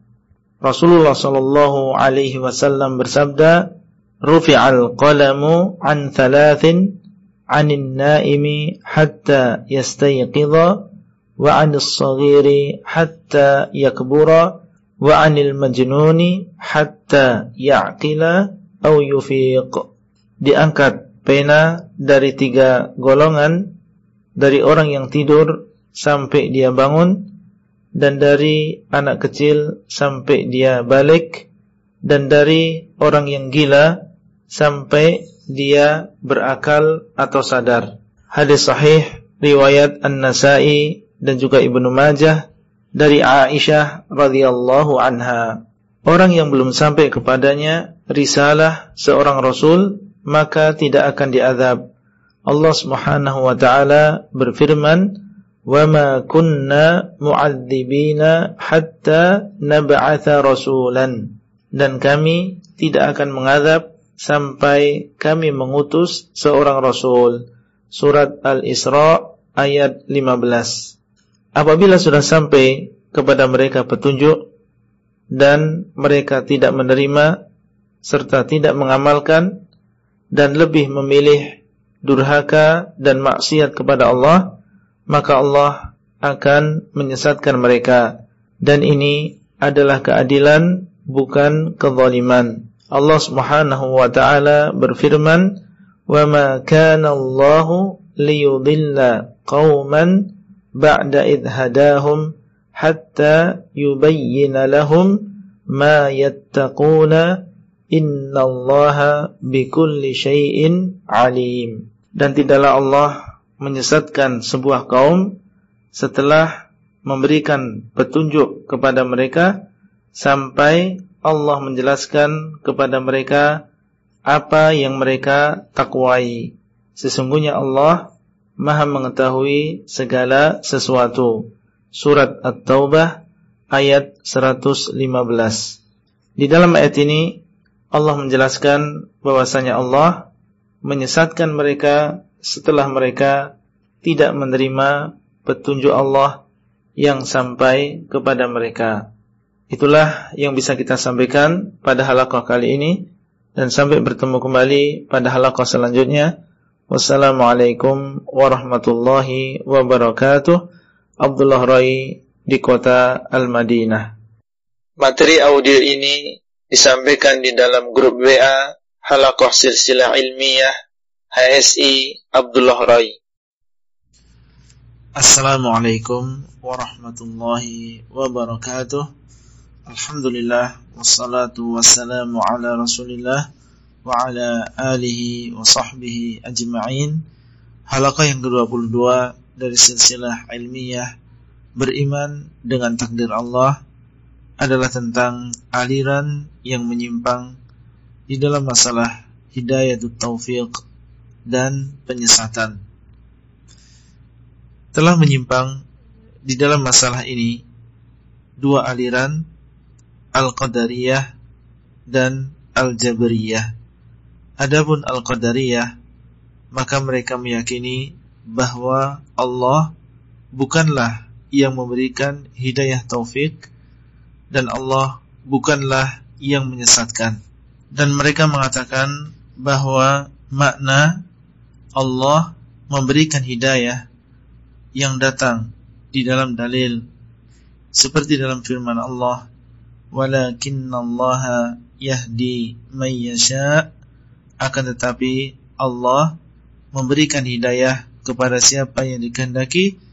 Al-Qasas 56 adalah penamaan orang tersebut dengan orang yang mendapatkan hidayah dan mereka mengatakan bahwa maksud Allah menyesatkan seperti yang datang di dalam firman Allah Azza wa Jal kadzalika yudhillullahu man yasha. Demikianlah Allah menyesatkan siapa yang dia kehendaki. Al-Muddathir ayat 31 adalah penamaan orang tersebut dengan orang yang sesat dan ini tentunya bertentangan dengan dalil-dalil yang telah berlalu yang menunjukkan bahwa Allah dialah yang memberikan hidayah taufik dan dialah yang menyesatkan.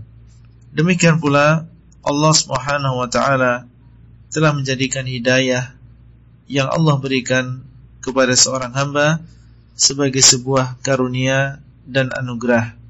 Sebagaimana firman Allah, "Balillahu yamunnu 'alaikum an hadakum lil iman." Akan tetapi Allah memberikan anugerah kepada kalian dengan memberikan hidayah kepada keimanan. Surat Al-Hujurat ayat 17. Seandainya maksud Allah memberikan hidayah adalah hanya penamaan pelakunya dengan orang yang mendapatkan hidayah, maka ini tidak dinamakan dengan karunia dan anugerah. Karena seandainya ini adalah karunia atau anugerah, maka kita sebagai makhluk juga memberikan karunia dan anugerah. Sebab kita pun sebagai makhluk juga menamakan orang tersebut sebagai orang yang mendapatkan hidayah. Adapun Al-Jabriyah, maka mereka meyakini bahwa Allah memaksa mereka tidak memberikan mereka kehendak tidak memberikan mereka kemampuan menghalangi mereka dari sebab-sebab mendapatkan petunjuk dan ini juga bertentangan dengan dalil-dalil yang telah berlalu. Yang menunjukkan bahwa seorang hamba diberi kehendak dan kemampuan diberi kesempatan memilih dan ditunjukkan kepadanya jalan yang lurus. Itulah yang bisa kita sampaikan pada halakoh kali ini dan sampai bertemu kembali pada halakoh selanjutnya.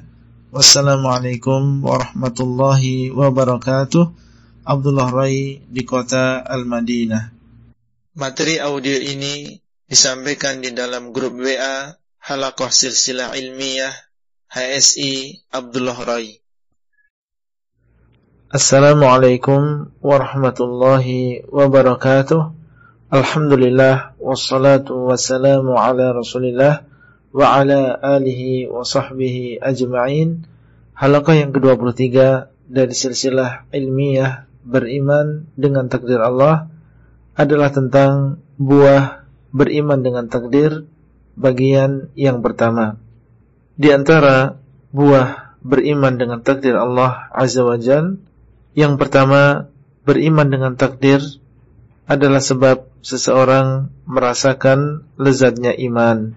Berkata Ubadah ibnu Samit kepada putranya, Ya bunayya, innaka lan tajida ta'ma haqiqatil imani hatta ta'lama anna ma asabaka lam yakun liyukhti'aka wa ma akhta'aka lam yakun liyusibaka Wahai anakku, sesungguhnya engkau tidak akan merasakan lezatnya hakikat keimanan sampai engkau meyakini bahwa apa yang menimpamu tidak akan luput darimu dan apa yang luput darimu tidak akan menimpamu.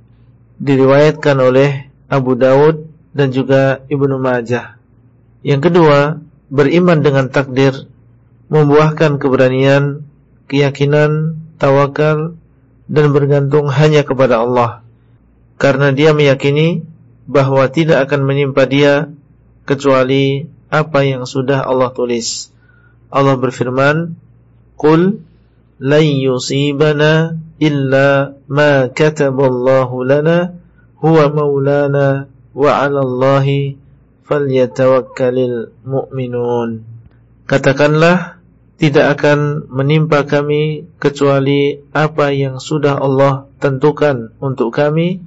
Dialah penolong kami dan hanya kepada Allah lah orang-orang yang beriman bertawakal. Surat At-Taubah ayat 51. Yang ketiga, beriman dengan takdir membuahkan akhlak yang mulia seperti kedermawanan. Karena apabila seseorang mengetahui bahwa kekayaan dan kemiskinan dengan takdir Allah, dia tidak akan takut berinfak fi sabilillah. Yang keempat, beriman dengan takdir membuahkan rasa syukur ketika mendapatkan nikmat, menyandarkan kenikmatan tersebut kepada Allah karena dialah yang mentakdirkan Allah Subhanahu wa taala berfirman, "Wa ma bikum min ni'matin faminallah." Dan nikmat apa saja yang ada pada kalian maka itu adalah dari Allah. Surat An-Nahl ayat 53. Yang kelima, beriman dengan takdir membuahkan petunjuk dan kesabaran ketika mendapatkan musibah. Allah berfirman, "Ma asaba min musibatin fil ardi wala fi anfusikum illa fi kitabin min qabli an nabra'aha. Inna dzalika 'ala Allahi yasir. Musibah apa saja yang menimpa baik di bumi maupun pada diri-diri kalian kecuali sudah ditulis di dalam sebuah kitab sebelum kami menjadikannya Sesungguhnya yang demikian adalah sangat mudah bagi Allah. Surat Al-Hadid ayat 22. Yang keenam, semakin kuat keimanan seseorang dengan takdir Allah, maka akan semakin kuat tauhidnya. Karena iman dengan takdir adalah bagian dari iman dengan rububiyah Allah yang konsekuensinya adalah tauhid uluhiyah.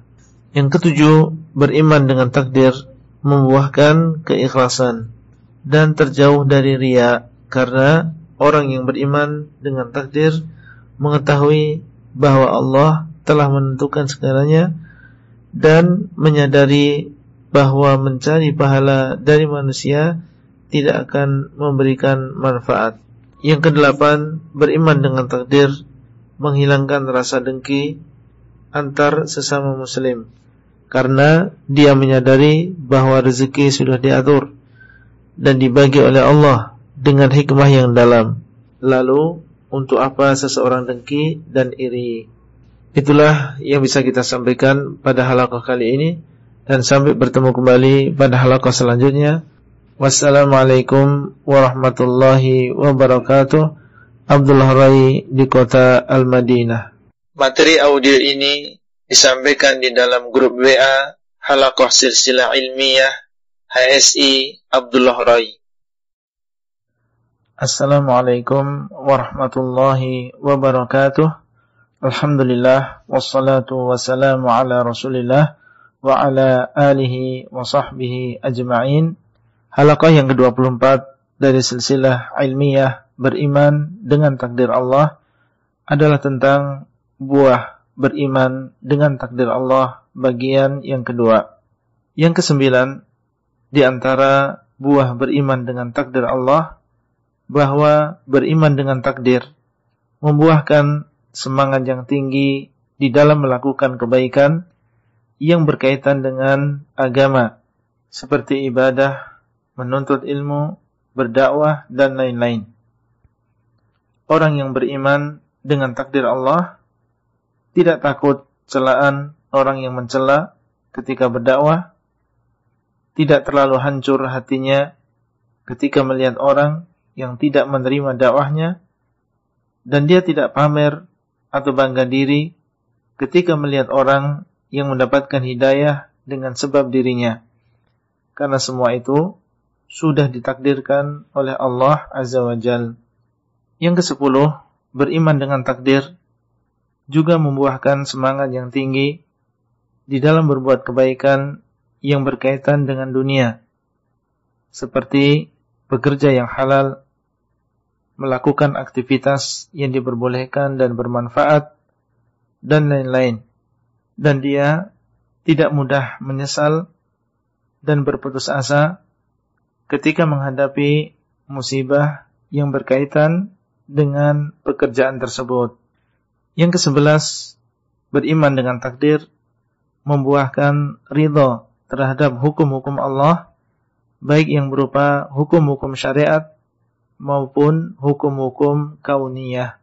Yang kedua belas, beriman dengan takdir membuahkan kebahagiaan dan menghilangkan kesedihan karena dia mengetahui dan yakin bahwa Allah memilih yang terbaik baginya di dalam urusan dunia, agama, dan akhir dari perkaranya.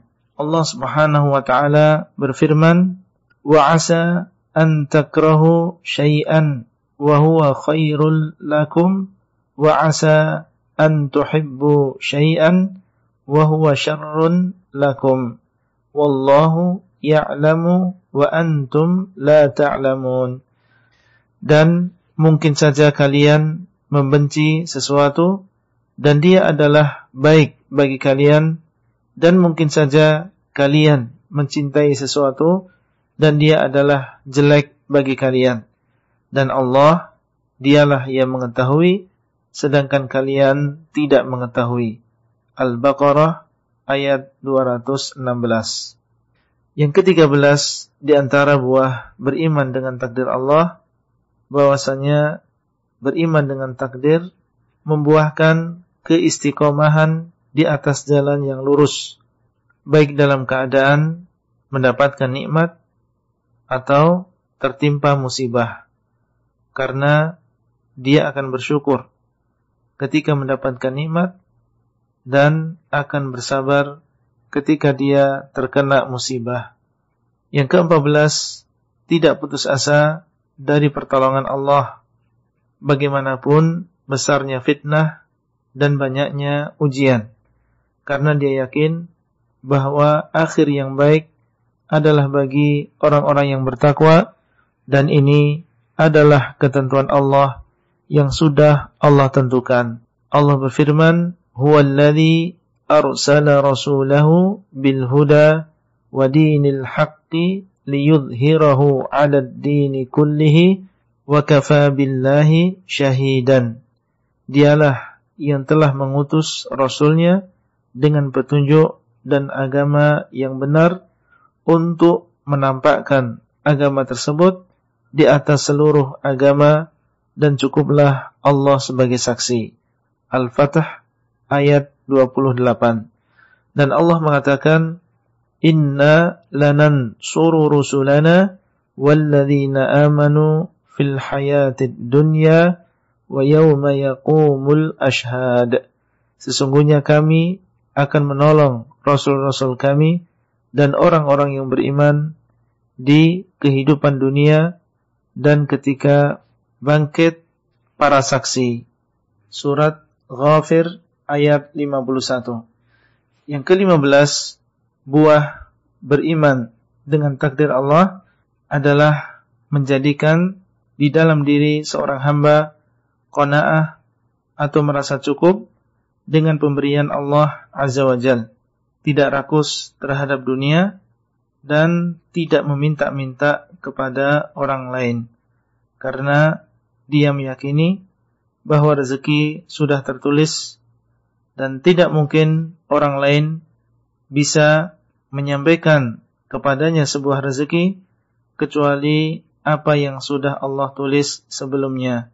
Itulah yang bisa kita sampaikan pada halaqah kali ini dan sampai bertemu kembali pada halaqah selanjutnya. Wassalamualaikum warahmatullahi wabarakatuh.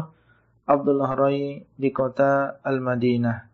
Materi audio ini disampaikan di dalam grup WA Halaqah Silsilah Ilmiah HSI Abdullah Rai.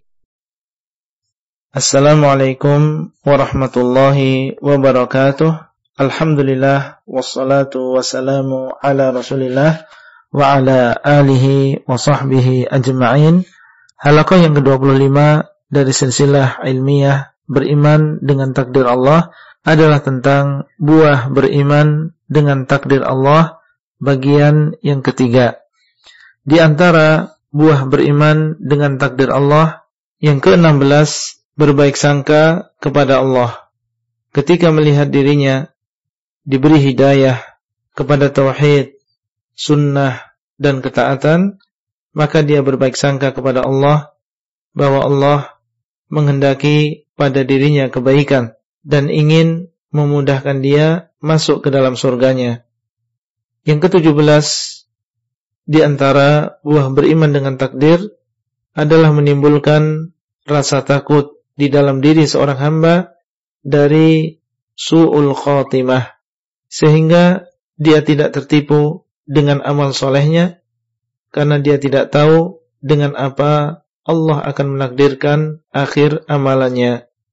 Yang ke-18 beriman dengan takdir menimbulkan sifat tidak suka merendahkan orang lain dan menghinakan orang lain yang terjerumus ke dalam kemaksiatan karena dia tidak tahu dengan apa Allah akan menakdirkan akhir dari amalan orang tersebut. Yang ke-19 di antara buah beriman dengan takdir adalah memerdekakan akal dan juga diri dari khurafat dan tatayyur dan dia meyakini bahwa segala sesuatu tidak terlepas dari takdir Allah tidak ada yang mendatangkan kebaikan kecuali Allah dan tidak ada yang menolak kejelekan kecuali Allah yang kedua puluh beriman dengan takdir menjadikan seseorang rendah hati dan tidak sombong ketika diberikan rezeki oleh Allah baik berupa harta, kedudukan maupun ilmu dan lain-lain. Karena ini semua datang dari Allah dan dengan takdir Allah dan kalau Allah menghendaki Allah akan mengambilnya dari kita sewaktu-waktu. Yang ke-21 beriman dengan takdir membawa ketenangan di dalam hati dan ketentraman jiwa karena ketika tertimpa musibah dia merasa itu yang terbaik dan pasti ada hikmahnya dan dia mengetahui bahwa orang yang ridha maka Allah akan ridha kepadanya sehingga dia tidak cemas dan gelisah dan tidak berangan-angan dan berandai-andai. Akhirnya semoga Allah SWT menjadikan kita termasuk orang yang beriman dengan takdir Allah yang baik maupun yang buruk dan semoga Allah Subhanahu wa taala memberikan karunia kepada kita semua sehingga kita bisa merasakan buah-buah yang baik dari beriman dengan takdir.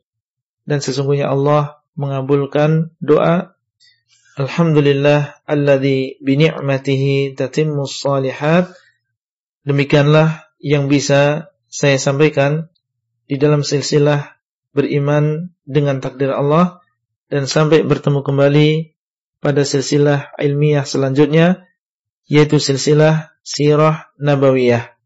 Wassalamualaikum warahmatullahi wabarakatuh.